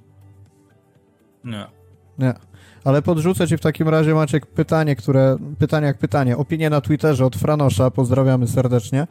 Gdyby Frankie de Jong był najlepszym lewym środkowym pomocnikiem w kadrze Barcelony, to można byłoby się wahać, czy na pewno warto szukać u niego wielkiej sprzedaży, by ratować budżet. Ale że jest lepszy, Fre e, lepszy Pedri, zarabiający x razy mniej, no to dla mnie no-brainer przy dobrej ofercie. No i okej. Okay. Niech będzie. Tylko po pierwsze, co to jest dobra oferta? Bo... No wiesz, nie rozmawiajmy o kwotach. Potraktujmy sobie, że z punktu widzenia wiesz, problemów finansowych satysfakcjonująca ale, dla Barsy. Ale nie, bo właśnie, no bo to jest istotne. Bo jeżeli mówimy satysfakcjonująca dla Barsy, to ja, ja widzę przynajmniej 100 milionów, ale przecież zdaję sobie sprawę, że nikt z tą kasą tutaj nie przyjdzie, bo każdy wie, że my jesteśmy biedni i będzie weźmiemy jej 60, jak ktoś przyniesie. Eee, natomiast powiem ci tak. W mojej opinii Frankie de Jong jest jednym z czołowych pomocników na całym świecie. Być może rzeczywiście forma jego gry nie do końca pasuje do Barcelony, ale jeżeli masz sytuację, w której masz światowej klasy zawodnika, bo możemy się nie zgadzać na przykład w tej kwestii, ale statystycznie czysto jest to najlepiej podający zawodnik pod presją według CASE. Jest to drugi najlepszy zawodnik La Liga, jeśli chodzi o progresywne podania, podania do przodu, podania w trzecią no, Ale na 90 minut czy na ile? Na, niech będzie na 90 minut, bardzo Niech będzie, Cross jest najlepszy, bo Cross ma do tego bardzo dobre warunki. Bo, Uni, bo w, w Madrycie wszyscy latają na wolne pole i Cross te piłki wspaniale zagrywa. No ma sezon, jeżeli chodzi o te wszystkie rozegrania, ma fantastyczne, absolutnie przepiękne. Poza tym, ne... sorry, że ci wejdę w słowo, ale mhm. akurat być gorszym od Crossa i być na drugim miejscu, to nadal jest no tak, świetna pozycja. No, powiedzmy no, sobie szczerze. Wiesz, ja mam wrażenie powoli, że to od Crossa się wzięło określenie cross, jeżeli chodzi o długie podanie, prawda, na no, drugą stronę boiska. No, bo to naprawdę jest, gość, który mógłby je niemal wymyślić. I, natomiast no, e, do meritum mm, e, i e, czy nam się to podoba, czy nie, to nawet statystycznie to jest zawodnik, jeżeli chodzi o grę do przodu, prawdopodobnie jeden z najlepszych na świecie. O, czwarte miejsce, jeśli chodzi o ilość i skuteczność zagrań między liniami na przykład. Coś, co przecież u nas jest kluczowe w grze. Mm, e, zresztą piękne podanie właśnie między liniami przy pierwszej bramce Alaves do Gundogana, prawda? Zewnętrzną częścią stopy z bardzo ładne podanie, które właściwie napędziło całą i umożliwiło tą akcję. Oczywiście nikt już o tym e, potem pamiętać nie będzie. Natomiast e, no ja bym się obawiał tracić takiego zawodnika, bo bardzo ciężko będzie go zastąpić. Ktoś mówi Zubimendi. Ostatnio często słyszę Zubimendi. No tylko zwróćcie uwagę Ale... na to, że Zubimendi nie jest lepszym obrońcą defensywnie on nie jest lepszy. Real Sociedad jest mega defensywny. Zwróćcie uwagę, że Zubimendi prowadzi grę zespołu, który prawdopodobnie, jeżeli chodzi o te bardziej znane zespoły w całej Europie, ma najmniejszy efektywny czas gry. To Hetafe ich przebija. Mecze Hetafe przebijają ten efektywny czas gry, nawet, nawet Realu Sociedad. Oni oddają trzy celne strzały na mecz. Często, maksymalnie. Chyba średnio 3 i 4 to są akcje prowadzące do strzału, to jest poniżej 10. Real Sociedad ma taki styl, że oni kontrolują wydarzenia, uniemożliwiając grę w piłkę rywalowi, ale często też sami w nią nie grając. Taki mają styl. Za akcje defensywne w Realu Sociedad w dużej mierze bardziej odpowiada Merino przecież. I gdyby to Merino miałby na przykład do nas przyjść, na przykład do Paris Franklin, no ja to mega kupił. No, Zubimendi oczywiście będzie zawodnikiem, który na przykład może grać głębiej na stałe. Jasne, no tylko, że my nie gramy na stałe głębiej. On gra w Realu Sociedad głęboko na stałe, bo oni tam dużo siedzą na swojej połowie, ale u nas się nie siedzi na swojej połowie. U nas będzie grał poza kołem środkowym przecież w, w większych przypadkach. Cały czas. Czyli znowu, to nie jest zawodnik jakiś specjalnie szybki. Ja wiem, że Frankie to też nie jest demon prędkości, ale to jest całkiem szybki zawodnik. Zubimendi taki nie jest, więc on do tych kontr powracających będzie biegł jeszcze wolniej. Przypominam, że Frankie coraz lepiej gra głową i wygrywa masę pojedynków, potrafi wygrywać. No tego nie zastąpisz Zubimendi, bo on w ogóle nie gra głową. Ktoś mówi, Pedri to będzie robił. No Pedri też nie będzie grał głową przecież i wybijał piłki z pozycji pivota. No ludzie kochani. Ale mnie się w ogóle wydaje, że ta propozycja Zubimendiego wzięła się stąd, że ktoś kiedyś rzeczywiście zainteresował się tym transferem ze sztabu Barcelony i poszło informacje weźmy Zubimendiego i to jest jak takie echo, które się niesie już przez kilkanaście miesięcy. Nikt za bardzo, znaczy nikt, nie chcę mówić nikt, ale duża część komentujących prawdopodobnie nie obejrzała za dużo meczów Realu Sociedad, co nie jest oczywiście jakimś przytykiem w ich stronę, bo zupełnie nie o to chodzi, natomiast chodzi o to, że to, tak jak mówię, jest echo tego Zubimendiego i pomimo, że on już nie do końca pasuje do Barcelony, niekoniecznie nas na niego stać, to jednak ciągle to powtarzamy, a mamy u siebie Frankiego, który jest piłkarzem lepszym, no ale wiadomo, że pojawił się ten Zubimendi, więc mówimy o nim. To znaczy, wiesz... Mateusz, mamy, mhm. mamy info na czacie od Mateusza Błażejczaka, który przeszedł na transkrypcję tego, co chciał powiedzieć. Chciałem dopowiedzieć, że w 100% zgadzam się z Maćkiem, a Franki sprzed kontuzji z tego sezonu to był najlepszy piłkarz, jakiego widziałem w Barcelonie od odejścia Leo Messiego. No to jest... No i to się zgadza generalnie. Grube stwierdzenie. Ale to się zgadza. Ale to się naprawdę zgadza, bo to był po prostu, to była Sigma w tej drużynie. No kurna, wszystko się działo wokół. Zresztą to samo było z Kunde. Więc znowu, kto tu, kto tu pracuje z tymi ludźmi na powrocie do zdrowia? No ale nieważne. Yy, więc to jest co innego. Ja nie mam problemu, jeżeli Franki ma odejść. Ja mówię, ja nigdy nie miałem sentymentu, akurat Frankiego najbardziej lubię z naszej Barcelony, ale ja nie mam sentymentów i nie mam problemu, żeby Franki odszedł, jeśli ma odejść. Spoko. Tylko ja mam ogromny problem z uwierzeniem w to, że my będziemy w stanie nawet tego Frankiego, którego mamy teraz zastąpić. Nie mówię, że podnieść poziom tej mhm. pozycji. I ja sam byłem wielkim fanem Zubimendiego ze 2-3 lata temu, pamiętam. E, kiedy jeszcze był mniej znany. E, otwarcie o tym mówiłem, tylko ja byłem fanem, żeby on zastąpił Busquetsa i grał z Frankiem. A nie, żeby zastąpił Frankiego, bo on nie da tego samego. Po prostu to są inni zawodnicy zwyczajnie i oczywiście można powiedzieć, my tego, co Franki, Franki oferuje, w że tak powiem, w swoim menu nie potrzebujemy tak bardzo, jak tego, co oferuje Zupimendi. I okej, okay, ja to kupuję. Jest opcja na przykład wymiany tych zawodników, spróbujmy. E, no natomiast mam spore obawy, że Zubimendi właśnie będzie potrafił na tyle usprawnić grę Barcelony, że ona będzie wyglądała lepiej niż wygląda dzisiaj. Zwłaszcza, że narzekania do Frankiego pojawiają się wtedy, e, no kiedy on gdzieś e, popełni błąd defensywny. I przecież wiemy, że te błędy się nie zdarzają zbyt często koniec końców, albo przynajmniej nie mają złego efektu, bo takie błędy się zdarzają każdemu. Przypominam pierwszą połowę meczu z co robił Pedri z piłką to się można było, że tak powiem, oczy sobie wyłupić, co on czynił. I, mm, e, i mówię, moja obawa największa jest taka, że my nie zastąpimy go równie jakościowym zawodnikiem, niezależnie kto to będzie. Ale wiesz co, e... mamy, mamy ciekawą rzecz na czasie. Christian H. Frankie grał bardzo fajnie, jak był trochę wyżej wjazdy w ostatnią tercję boiska i ładowanie z dystansu, miał bardzo ładne strzały. I, I późny Kuman. Ale wiesz co? To mnie o tyle zaskoczyło. Być może się mylę, ale szczerze mówiąc, ja tych jakościowych jego strzałów z dystansu to nie pamiętam. No nie, nie, nie, nie. U, kolega, u, kolega. Za Kumana, druga część Kumana. E, jeszcze w tym sezonie, w którym został zdobyty puchar, e, puchar Hiszpanii, czyli w sezonie już mi się kończą te, już nieważne. Że tak powiem, sezon przed odejściem Kumanowym, no to on rzeczywiście grał ja to może te uderzenia ze to lekka przesada, ale on tam miał już naprawdę, nabijał bramki, nabijał asysty, dużo wchodził w pole karne, pamiętajmy. To, to, to pamiętam prawda. i te wejścia. To ja prawda. pamiętam, że on miał też taki mecz, że bardzo dobrze pojawiał się na prawym skrzydle. Nie pamiętam totalnie, tak. z kim to było spotkanie. Tak. I były też takie ale... okazje ale był taka, była taka jego fala bardzo dobrych meczów, że w pewnym momencie wręcz wydawało się, że nie dość, że jest najlepszym obrońcą, pomocnikiem i wchodzącym w pole karne, to jeszcze jak dał asystę z prawego skrzydła, to w ogóle nikogo to nie dziwiło. Ale właśnie chodziło mi o ten fragment z, ze strzałami z dystansu, bo nie wiedziałem, czy ja mam jakieś luki w pamięci, czy po no, prostu... Z Napoli mi się kojarzy najbardziej ten strzał oczywiście, ale to jest no, oczywiście. Trudno, trudno nie kojarzyć.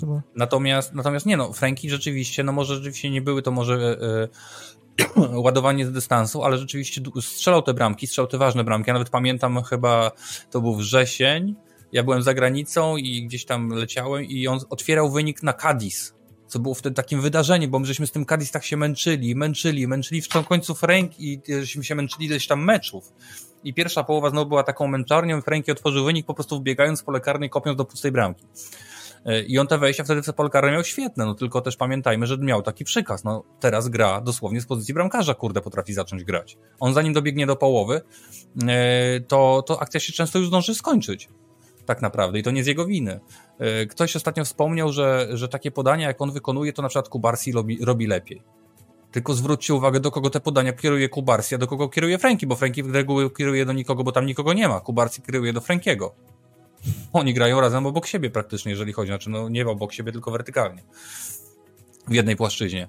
E, więc no nie chcę znowu być tym, kto broni Frankiego za wszelką cenę, no ale prawda jest taka, że w tej całej drużynie, gdzie ciężko jest wyróżniać zawodniku, no to Franki jest tym zawodnikiem, którego naprawdę regularnie można wyróżniać. I nawet kiedy on zagra słabszy mecz defensywnie, tak jak było za Lawesz, popełnił błąd, no to on bez problemu, grając naprawdę w niekomfortowych warunkach, był, był w stanie to oddać ofensywnie. E, I bardzo będę się bał przed sprzedażą takich zawodników z najwyższej półki, nawet jeśli nam do końca nie pasują, bo mi się wydaje osobiście, że kiedy nie masz drużyny z najwyższej półki, kiedy można powiedzieć, że na ten moment w ogóle nie bardzo masz jakąś drużynę, to powinny się budować wokół zawodników, którzy są najlepsi.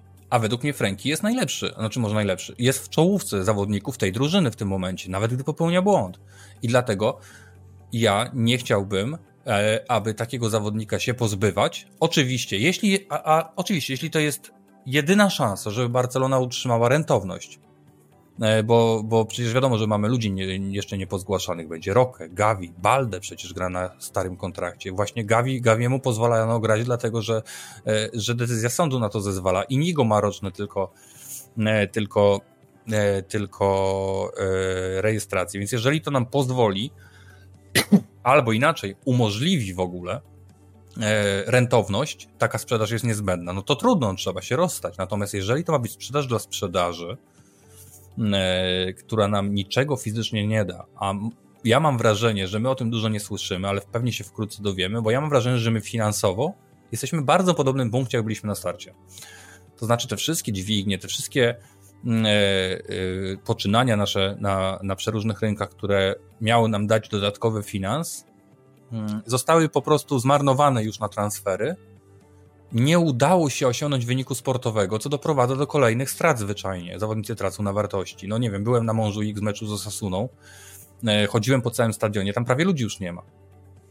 Bilety sprzedawali ostatniego dnia, pamiętam, rzucali chyba już, nie chcę teraz skłamać, ale ja, ja kupowałem je za 59 euro chyba, a jak a w dniu meczu to już po 40 chodziło, po 39 chyba, jakiś super rabat tutaj, super rabat tam, no, na wszystkie możliwe sposoby ściągają, te mecze niedługo będą kosztować mniej niż na mecze kobiet, e, więc to są kolejne straty, niepoliczalne na ten moment, ale straty dla klubu. I być może to będzie jedyne wyjście, tylko wątpię, żeby sam Franki załatwił sprawę w takim wypadku. No to powiem Ci, że ja się wybieram na mecz z Realem Sociedad swoją drogą i patrzyłem bilety, po jakich teraz cenach chodzą, no i te, wiadomo, na boczną trybunę 154 euro i zastanawiam się, czy nie wyczekać jeszcze trochę i nie poczekać na jakąś zniżkę. Ale kupuj ostatniego bo, dnia. Bo... Mówię ci, Rafał, kupuj ostatniego dnia dosłownie, ewentualnie no obserwuj, czy, czy na przykład, wiesz, no drużyna nie gra coraz lepiej i nagle ta zainteresowanie no, o to się nie, martwię. O to, o to się, się, nie martwimy, wiadomo. E, natomiast na, dosłownie mówię ci, że ja kupowałem dwa dni przed wylotem, a jak już przyleciałem na miejsce i mówię to znajomych, to idźcie sobie tam kupcie, to oni kupowali te bilety 20 euro taniej już, no. Te same bilety, no siedzieliśmy obok siebie. Y, Mazdy odzywa się z czatu. Wymieniłbym czterech, pięciu zawodników z pierwszego składu, o których odejściu powinniśmy rozmawiać przed Frankiem. Kunde, Christensen, Rafinha czy Lewy, kwestia alternatyw. I Tomasz Wiechec dorzuca propozycję, którą określa mianem kontrowersyjnej, ale pozbyć się Pedriego. Wydaje mi się, że nie będziemy rozmawiać o wszystkich tych nazwiskach, ale odniósłbym się do przede wszystkim Pedriego i Rafini. Rafinię też mieliśmy na rozpisce na dzisiaj, więc może krótko o nim, ale ta koncepcja z Pedrim powiem Ci też ciekawa. No, Zastanawiam się tylko finansowo, mm, na ile by nam się sentyment, Tutaj powiem ci, sentyment jednak na pewno na to nie pozwoli. Wydaje mi się, że Pedri jeszcze ma zbyt duży potencjał. Że jednak nawet, nie wiem, dość rzucił za niego 100 milionów, to, to może być niewarte utraty jego na przykład w perspektywie nawet dwóch, trzech lat. Już nie mówię o całej karierze.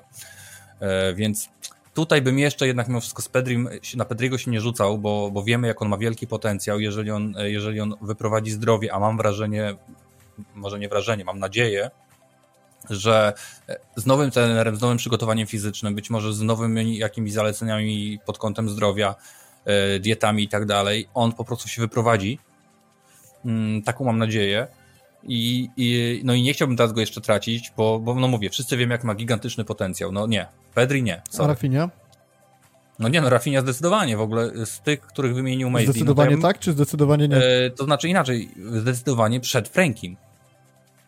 Po prostu. Mm, okej, okay, jeżeli, a, a, musimy generować zmieniając zyski. pytanie, zmieniając mhm. pytanie, czy chciałbyś sprzedaży Rafini w najbliższym okresie? No, wolałbym nie, szczerze mówiąc. Wolałbym nie, bo, bo akurat Rafinia e, Lamin E, no też pamiętajmy, no Lamin jest nadal dzieciak, no on nie może nagle grać po tysiąca min tysięcy minut. Ale stać nas na rezerwowego, za którego mógłbyś wziąć jakieś tam 40 milionów? No nie bardzo właśnie, no bardzo nie bardzo, no. Jest taki chłopak, taki co się tak dziwnie nazywa, co ja nigdy jego nazwiska nie umiem powiedzieć. No nie Dundet? dałeś łatwej wskazówki. No taki, ten dzieciak, co tak dobrze współpracował z Markiem Guju e, na U17 hiszpańskim, też zawodnik Barcelony. Quinjet, Junjet, taki śmieszny chłop. Zaraz wam go znajdę i wam powiem. W każdym razie czytałem o nim jakiś tam raport chyba wczoraj czy przedwczoraj. I to podobno jest chłop, któremu się bardzo bacznie przygląda właśnie yy, i druga drużyna, i drużyna Szawiego na ten moment.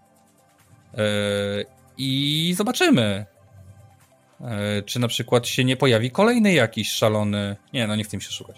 Nie, nie pojawi się kolejny jakiś szalony małolat i na tym pewnie będziemy musieli bazować. E, no, natomiast e, e, z tych wszystkich, no to no nie ma się co oszukiwać. No z tej listy, która tam jest, no to Christensen i Kunde są pierwsi do wylotu według mnie. No Christensen w ogóle w pierwszej kolejności. na ci wrzucił. Jak się nazywa chłop? O, Queen Junjet, no właśnie mówię, Juniet, Junjet, to jest pomocnik co prawda, ale widzę, że on ma dużo inklinacji ofensywnych takich, lubi po skrzydełku też biegać, jak, jak się zorientowałem. I, i czytałem właśnie, że to jest zawodnik, który robi duże wrażenie w ogóle w, e, no na mnie robi duże wrażenie na tym U17, teraz robi wrażenie na, na trenerach e, z rezerw i, i, i Szawim rzekomo. E, no zobaczymy, no. Rafinha, no lubię go jakoś, kurde, no mimo wszystko. Wiem, że on ma swoje mankamenty, to jest trochę jak z tym Frankiem, no. To nie do końca jest zawodnik dla nas, ale to jest zawodnik, który naprawdę potrafi dać dużo dobrego. O, e, ale I... mamy, mamy kolejną ciekawą opinię. Michał Chojnacki na czacie. Rozważyłbym sprzedaż Araujo. Dla mnie sytuacja podobna jak z Umtitim, którego kusił Manchester United. Ostatecznie wiemy jak się skończyło. Araujo też często łapie kontuzję. Hmm. Tu bym się zastanowił, czy na pewno to ich łączy, że łapią kontuzję, bo jednak wiemy, że przy Umtitim nie wiem czy głównym czynnikiem, ale na pewno nie można o tym zapominać, jest to leczenie zachowawcze, na które się tak, zdecydował. Zdecydowanie. I, I, trochę inny wymiar tych kontuzji, mam wrażenie, plus też status w zespole. Słuchaj, ja kupuję to. Araujo. Ja kupuję to. Nie da się ukryć, że na pewnym etapie swojej kariery w Barcelonie jeden i drugi był, czy jest nadal w przypadku Araujo, rozważany jako jeden z najlepszych stoperów na świecie. I fakt, kontuzje w jakiś sposób łączą.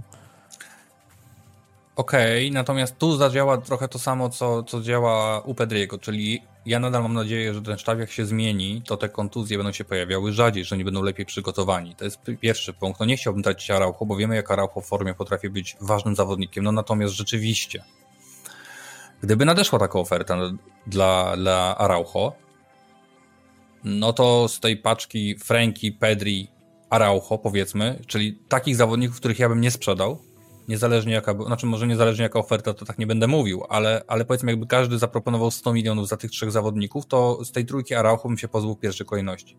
Bo znaleźć wysokiej klasy pomocnika nie jest tak łatwo, jak znaleźć środkowego obrońcę. Tak uważam. I bardzo łatwo środkowemu obrońcy, jak nie idzie, tak jak nie idzie Araujo od trzech, tygo, trzech miesięcy mniej więcej według mnie, to bardzo widoczne są wszystkie jego błędy, yy, no a jednak my musimy też stworzyć lidera tej linii. No i ten Araujo ma być tym liderem, tylko że kiedy Araujo jest liderem, który właśnie zawala masę bramek yy, i tak naprawdę najlepszym naszym środkowym obrońcą w tym momencie jest Paul Kubarski, który ma no, niespełna 17 lat, bo ma urodziny chyba w lutym, zaraz teraz, nie wiem, chyba tak. No, jeżeli on jest najlepszym naszym obrońcą i to mówię i grze w piłkę, i grze bez piłki, i w interwencjach tak naprawdę, E, no to to jest dosyć jasny sygnał. Natomiast, no tak jak mówię, bardzo bałbym się wa sprzedawać ważnych zawodników e, Barcelony, którą mamy dzisiaj, no przed konsultacją z nowym trenerem. Zwyczajnie. To, to mówię, to dlatego ten trener jest tak istotny według mnie. No przynajmniej do, w czerwcu powinien się już pojawić, w maju albo od razu po zakończeniu sezonu na przykład, e, bo bardzo się obawiam tego, że my poczynimy jakiś ruch i będziemy tego zwyczajnie żałować, a wiemy, że nie umiemy prowadzić zakupów ani sprzedaży, ani zakupów, więc jeżeli mamy zawodników, którzy no, być może nie są e, zawsze na naj, w najwyższej formie, Frankie, Araujo, Pedri właśnie, z różnych powodów, mogą być to również kontuzje, to mimo wszystko tych utalentowanych po prostu zawodników najwyższej półki naszych bym się bał na razie oddawać, bo to jest coś, co już tutaj jest, to już tutaj może zostać i nie trzeba tego szukać. I jeżeli sprzedam takiego Araujo, to, to co zrobimy właściwie? Musimy kupić obrońcę i teraz, kurde, no kupić obrońcę i wydać na niego dużą kasę. No widzisz, no no, no nie bo co innego. Bardzo to... nad czym zastanawiać, bo nie kupimy. No nie mamy, no i bo co, wciągniesz tego e, Riada, co ma całkiem niezły sezon w Betisie, no przecież to nie będzie to samo. Postawisz tam Kundę, widzimy jak jest z Kundę. Było świetnie na początku sezonu, kiedy tego Araujo brakowało, a potem już było kiepsko. Teraz jest też kiepsko. Za dużo jest niestety rozchwiań formy naszej drużyny w ostatnich latach, żeby tak naprawdę można było na kimś postawić krzyżyk tak definitywnie. No zwłaszcza na zawodnikach, którzy są tu dłużej. E, więc tak jak tam Maisley wydał taką listę, czyli, czyli Christensen, Kunde, Rafinha i, i Lewy, to rzeczywiście według mnie to coś z e, czterech zawodników. Być może zastanowiłbym się jeszcze nad Ferranem, ale, A jakby, ale Ferrana lubię. zróbmy, sobie, zróbmy sobie takie ćwiczenie. Spośród tych czterech, bo jestem ciekawy. Kunde, Christensen, Rafinha, Lewy. W kolejności jakbyś ich sprzedawał? Muszę policzyć amortyzację, sorry. Sprzedawałbym Christensen, Lewy, no. Kunde Rafinha. Mi chyba będzie, będzie łatwiej to ułożyć od. Może lewego, do, może lewego z Kunde bym zamienił jeszcze, ale obrońców w pierwszej kolejności bym sprzedawał akurat. No, czyli Christensen Kunde gdzieś w pierwszej kolejności, potem, potem pewnie lewy, e, bo tu wydaje mi się, że na dziewiątce jesteśmy już w stanie coś tam bardziej zastępować. Boję się sytuacji, w której na przykład Lamin nie będzie mógł zagrać, nie daj Boże kontuzję, ale po prostu nie będzie grał, czy będzie musiał odpocząć i nie będzie kogo tam nawet wstawić na tą prawą flankę. E, bo na lewej to wiemy, może biegać, na razie biega Cancelo, no to jakieś asymetrie, no jeżeli wróci Balde, to może biegać Balde, no bo najprędzej on będzie mógł robić box to box. E, natomiast na tej prawej stronie z reguły jest problem i z obrońcą, no obecnie może nie ma problemu z, ze skrzydłowym, bo jest Lamin, ale też potrafi być, więc no wolałbym nie rozbijać tych stron, chociaż będzie dobry, e, dobry, dobry skrzydłowy po jednej, a obrońca po drugiej przynajmniej. No, ciężka sytuacja, jak się nie ma pieniędzy i pomysłu. U mnie ostatni Rafinha to na pewno. Pierwszy Christensen, drugi lewy ze względu na pensję i trzeci Kunde. Tak no to tak, tak ja powiedziałeś chyba, mi się wydaje, w pierwszym tempo, tak jak tak wydaje. No ja, ja wiesz, ten Ale lewy dużo jest taki było mi też, że ten lewy umie te bramki strzelać, cholera, no. Ale wiesz, umie te bramki strzelać ten lewy, tylko trzeba go jakoś tak zacząć poobsługiwać porządnie, żeby on też zrozumiał, może... Ja cały no czas, widzisz, że głupi, widzisz, gdzie jest problem naszych rozumiesz coś że my, my próbujemy wydawać osądy na podstawie A. braku trenera, źle przygotowanych zawodnikach do gry, problemach finansowych i cokolwiek nie powiemy, to musimy dodać ale, nie wiadomo co się stanie, bo to, to, no to, to, to, i to. I... Dobra, to jest właśnie, lecimy... zobaczcie, i to jest właśnie coś, co, co ma Real Madrid, dlaczego nie ma Barcelona. Real Madrid ma jakiś tam jeden pomysł na grę, prosty i yy, prosty powiedzmy. Chodzi o to, że w ogóle gra w piłkę jest prosta. I na przykład takiemu Carlo mówisz przed sezonem, wiesz co, głupia sprawa, Benzema odchodzi, a my nie mamy kasy, masz tu hostelu. I on bierze tego hostelu i ten hostelu jest kurna bardzo dobrze sobie, że tak powiem, sobie radzi, się spisuje za pół miliona jakieś wypożyczenie. Nie mieli kasy na jakiegoś tutaj skrzydłowego, coś musieli pokombinować, to sobie wzięli Brahima, rozumiesz? I też działa jak trzeba. E, to są te problemy, że my sobie wymyślamy jakieś historie, że my potrzebujemy tego, tamtego, sramtego, tego wymienić, tego sprzedać, to wszystko pomieszać wiecznie. Ciągle w tym kotle gotujemy, dorzucamy składników, wyjmujemy te składniki, ta woda odcedzona, potem znowu dolewamy do piekarnika, do pieca, gdzieś tam. I to wszystko jest taki miszung, bez żadnej stabilizacji, że my nigdy nic nie wiemy tak naprawdę. Nigdy nie wiemy, na kim można polegać, dlatego co? No wszyscy się skupiają na tych, których najbardziej lubią, czyli Pedri, Gavi, Araujo na przykład. I oni są nietykalni, a reszta to wszystko jedno, no bo to tak trochę wygląda generalnie. Tych, co lubimy, to niech zostaną, a reszta to już mogą iść, bo w sumie nie wiadomo, co z nimi będzie. Może tym samym tropem podążają w gabinetach Barcelony. Powiedzmy sobie jeszcze dosłownie 3 minuty o Granadzie. 19 miejsce w tabeli, 6 punktów powyżej tego, co złapała w tym sezonie Almeria. Almeria takie tego sezonowe Elcze. Ostatnie mecze Granady na 5 ostatnich, jedna wygrana, 2-0 z Cadiz, potem 3 przegrane z Betisem, z Atletico i z Hetafe. Ostatnie spotkanie zremisowane 1 do 1 z Las Palmas. Także forma nie za dobra, nie taka, która powinna nam zagrozić, ale e, wydaje mi się, że mogliśmy mówić to też przed pierwszym spotkaniem, a potem nie no, beznadziejnie co zrobił. Dlatego nie będę się jakoś nad nimi nie no, długo zatrzymywać. Nie no, beznadziejni są jeszcze.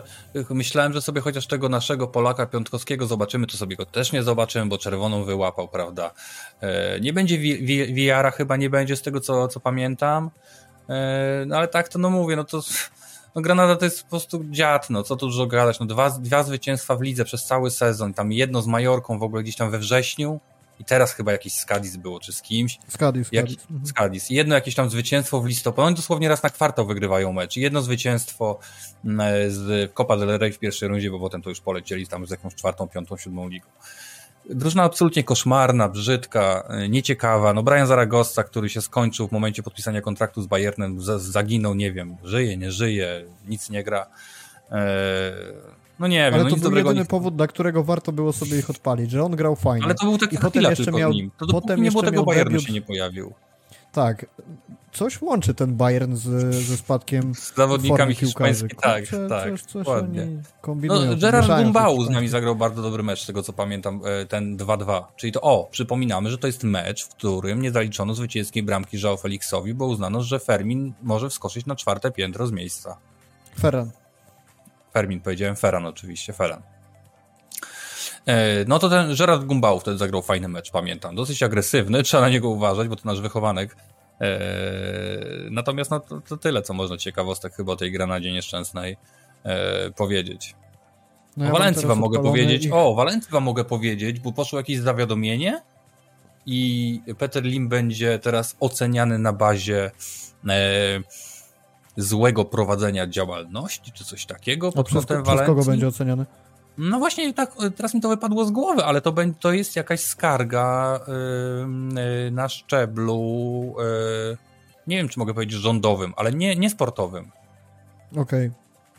Czyli jakieś sensu. generalnie zewnętrzne organy, tak? Tak, tak, tak, tak. Nie, nie na zasadzie, no inna sprawa też, bo to też na pewno nikogo już nie interesuje, ale jest taki klub Malaga się nazywa, nie wiem czy kojarzycie.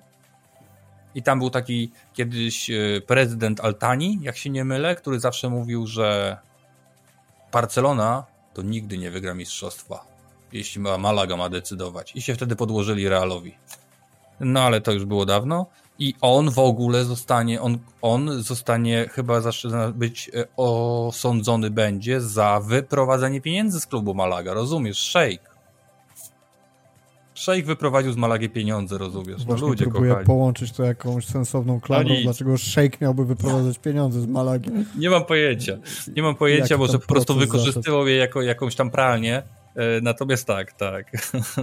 Szejk Altani, Altani jest obecnie chyba, e, będzie właśnie badane jego potencjalne wyprowadzenie pieniędzy z klubu. Piękna tak, liga. Tak się dorabiasz tych miliardów, mój drogi, widzisz. Jaki klubikach. wynik z Granadą w takim razie na koniec?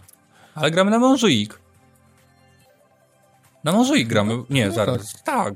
tak, e, bo już graliśmy na Carmenes, nie? Tak. Już ci mówię. E... Jest nie, no taka tak, strona na Montjuic.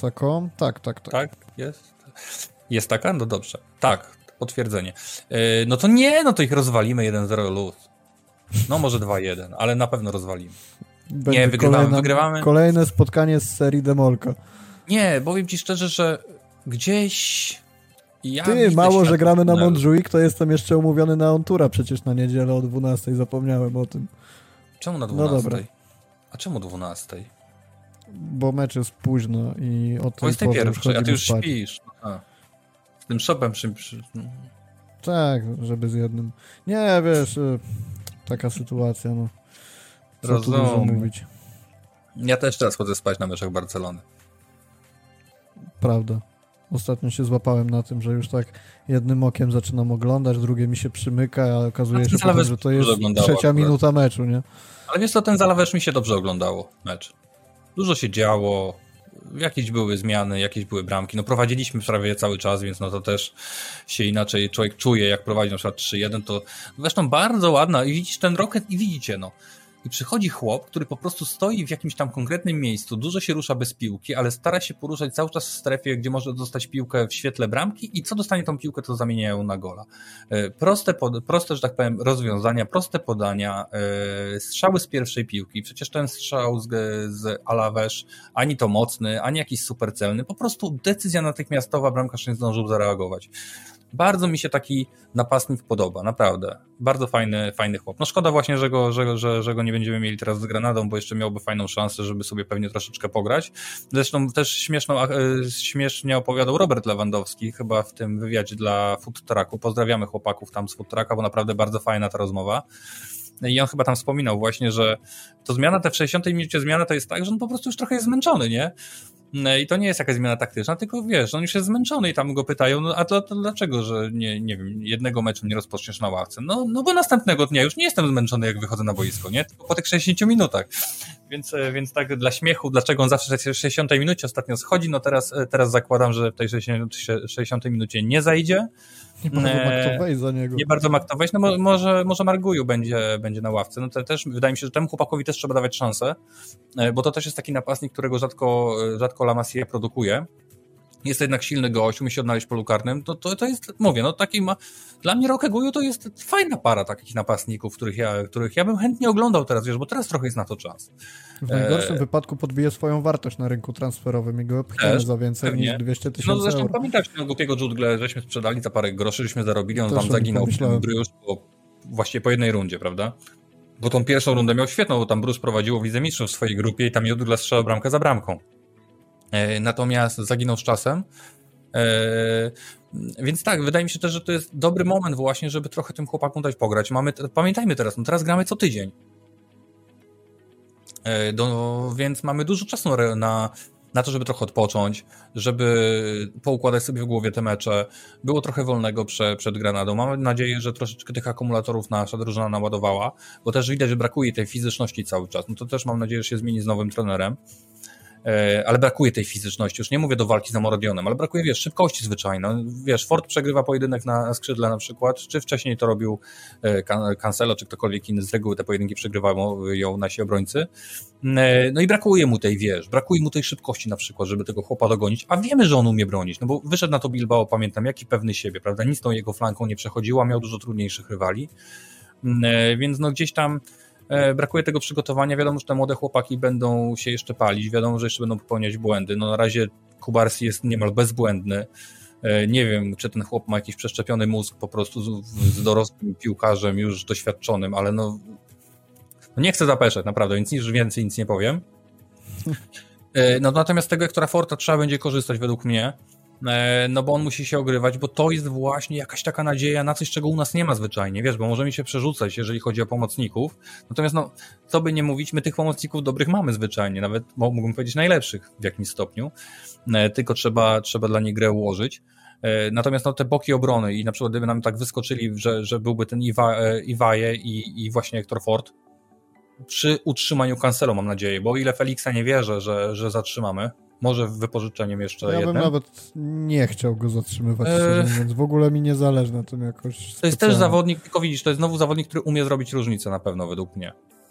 E, no zobaczymy, no. Mówię, u nas ta, ta, ta linia ta z przodu na ten moment jest taka, że w sumie tylko Lamina bym na 100% zawsze, zawsze chciał oglądać, a cała reszta to jest mi trochę obojętnie, natomiast no, znowu nie chciałbym, żeby on cały czas grał. Chciałbym, żeby jednak mnie mógł sobie, mógł się rozwijać jak, jak na jego wiek przystało. O, jeszcze słyszałeś ten? Słyszałeś dzisiaj też, Rokę się tłumaczył z tej żółtej kartki, a propos. E, to tam słyszałeś, co sędzia do niego powiedział? Nie. To nie Brazylia. Coś, coś, mnie, coś mnie ominęło. Mówił, to nie Brazylia. Rasizm. Yy, więc te, to tak tylko dygresyjnie. Więc tak, no mam, mam nadzieję, że, że troszeczkę Czawi będzie teraz yy, trochę spokojniejszy, że, że może rzeczywiście ten dziwny zabieg o, o takim ogłoszeniu odejścia gdzieś podziała trochę relaksująco. No są dwa zwycięstwa, mam nadzieję, że, że i z Granadą się to, to mecz zwycięski zakończy. Yy, no zwróćmy uwagę na to, że, że my sobie tu na razie kopiemy tą piłkę ze słabiakami, te mecze trudniejsze jeszcze nadejdą, no ale nasi rywale ligowi, i to mówię bardziej o rywalach spod nas e, no, niż z NAT, no bo ci rywale z NAT na razie mają przewagę, no troszeczkę grają dla nas w jakimś stopniu.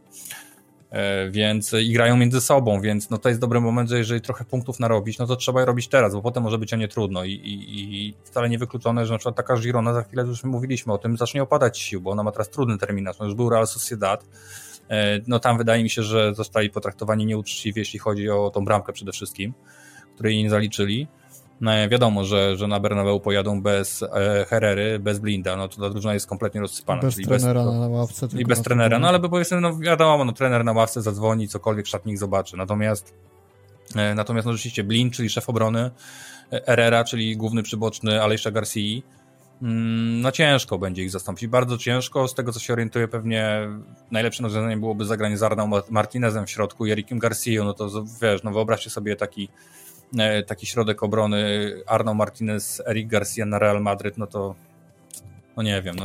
A, a propos Girony, to ci powiem jeszcze jedną rzecz, tylko muszę na szybko link odkopać, bo ja o tym nie słyszałem wcześniej, ale Filip Kubiaczyk to ostatnio udostępnił, mhm. że można licytować koszulkę podpisaną przez Jana, Jana w ramach Wośku. Tak, patrzyłem, nawet jest.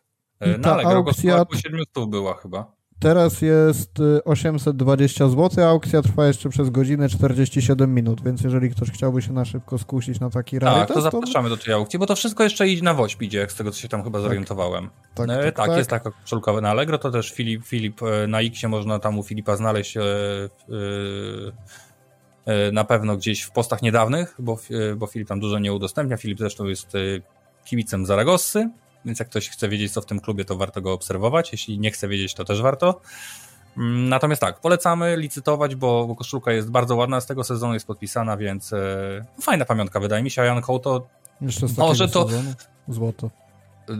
Nie, to jest ta biało-czerwona, tak? Tak, tak, tak, tak. E, no bo ten podpis Jana Kołto, jak patrzymy na ten sezon, jakiś transfer, no to może być za jakiś czas, no, fajną, fajną pamiątką w kolekcji, nie tam jakimś prawym obrońcą Girony, ale może no, dużo ciekawsze e, kierunki obrać w przyszłości, więc zapraszamy. Si. Na dzisiaj kończymy. Mateusz Błażejczak był z nami, potem przeniósł się na czat. Maciek Miko, dzięki bardzo. Słyszymy się Dziękuję wkrótce. bardzo. Do usłyszenia, pa. Na razie.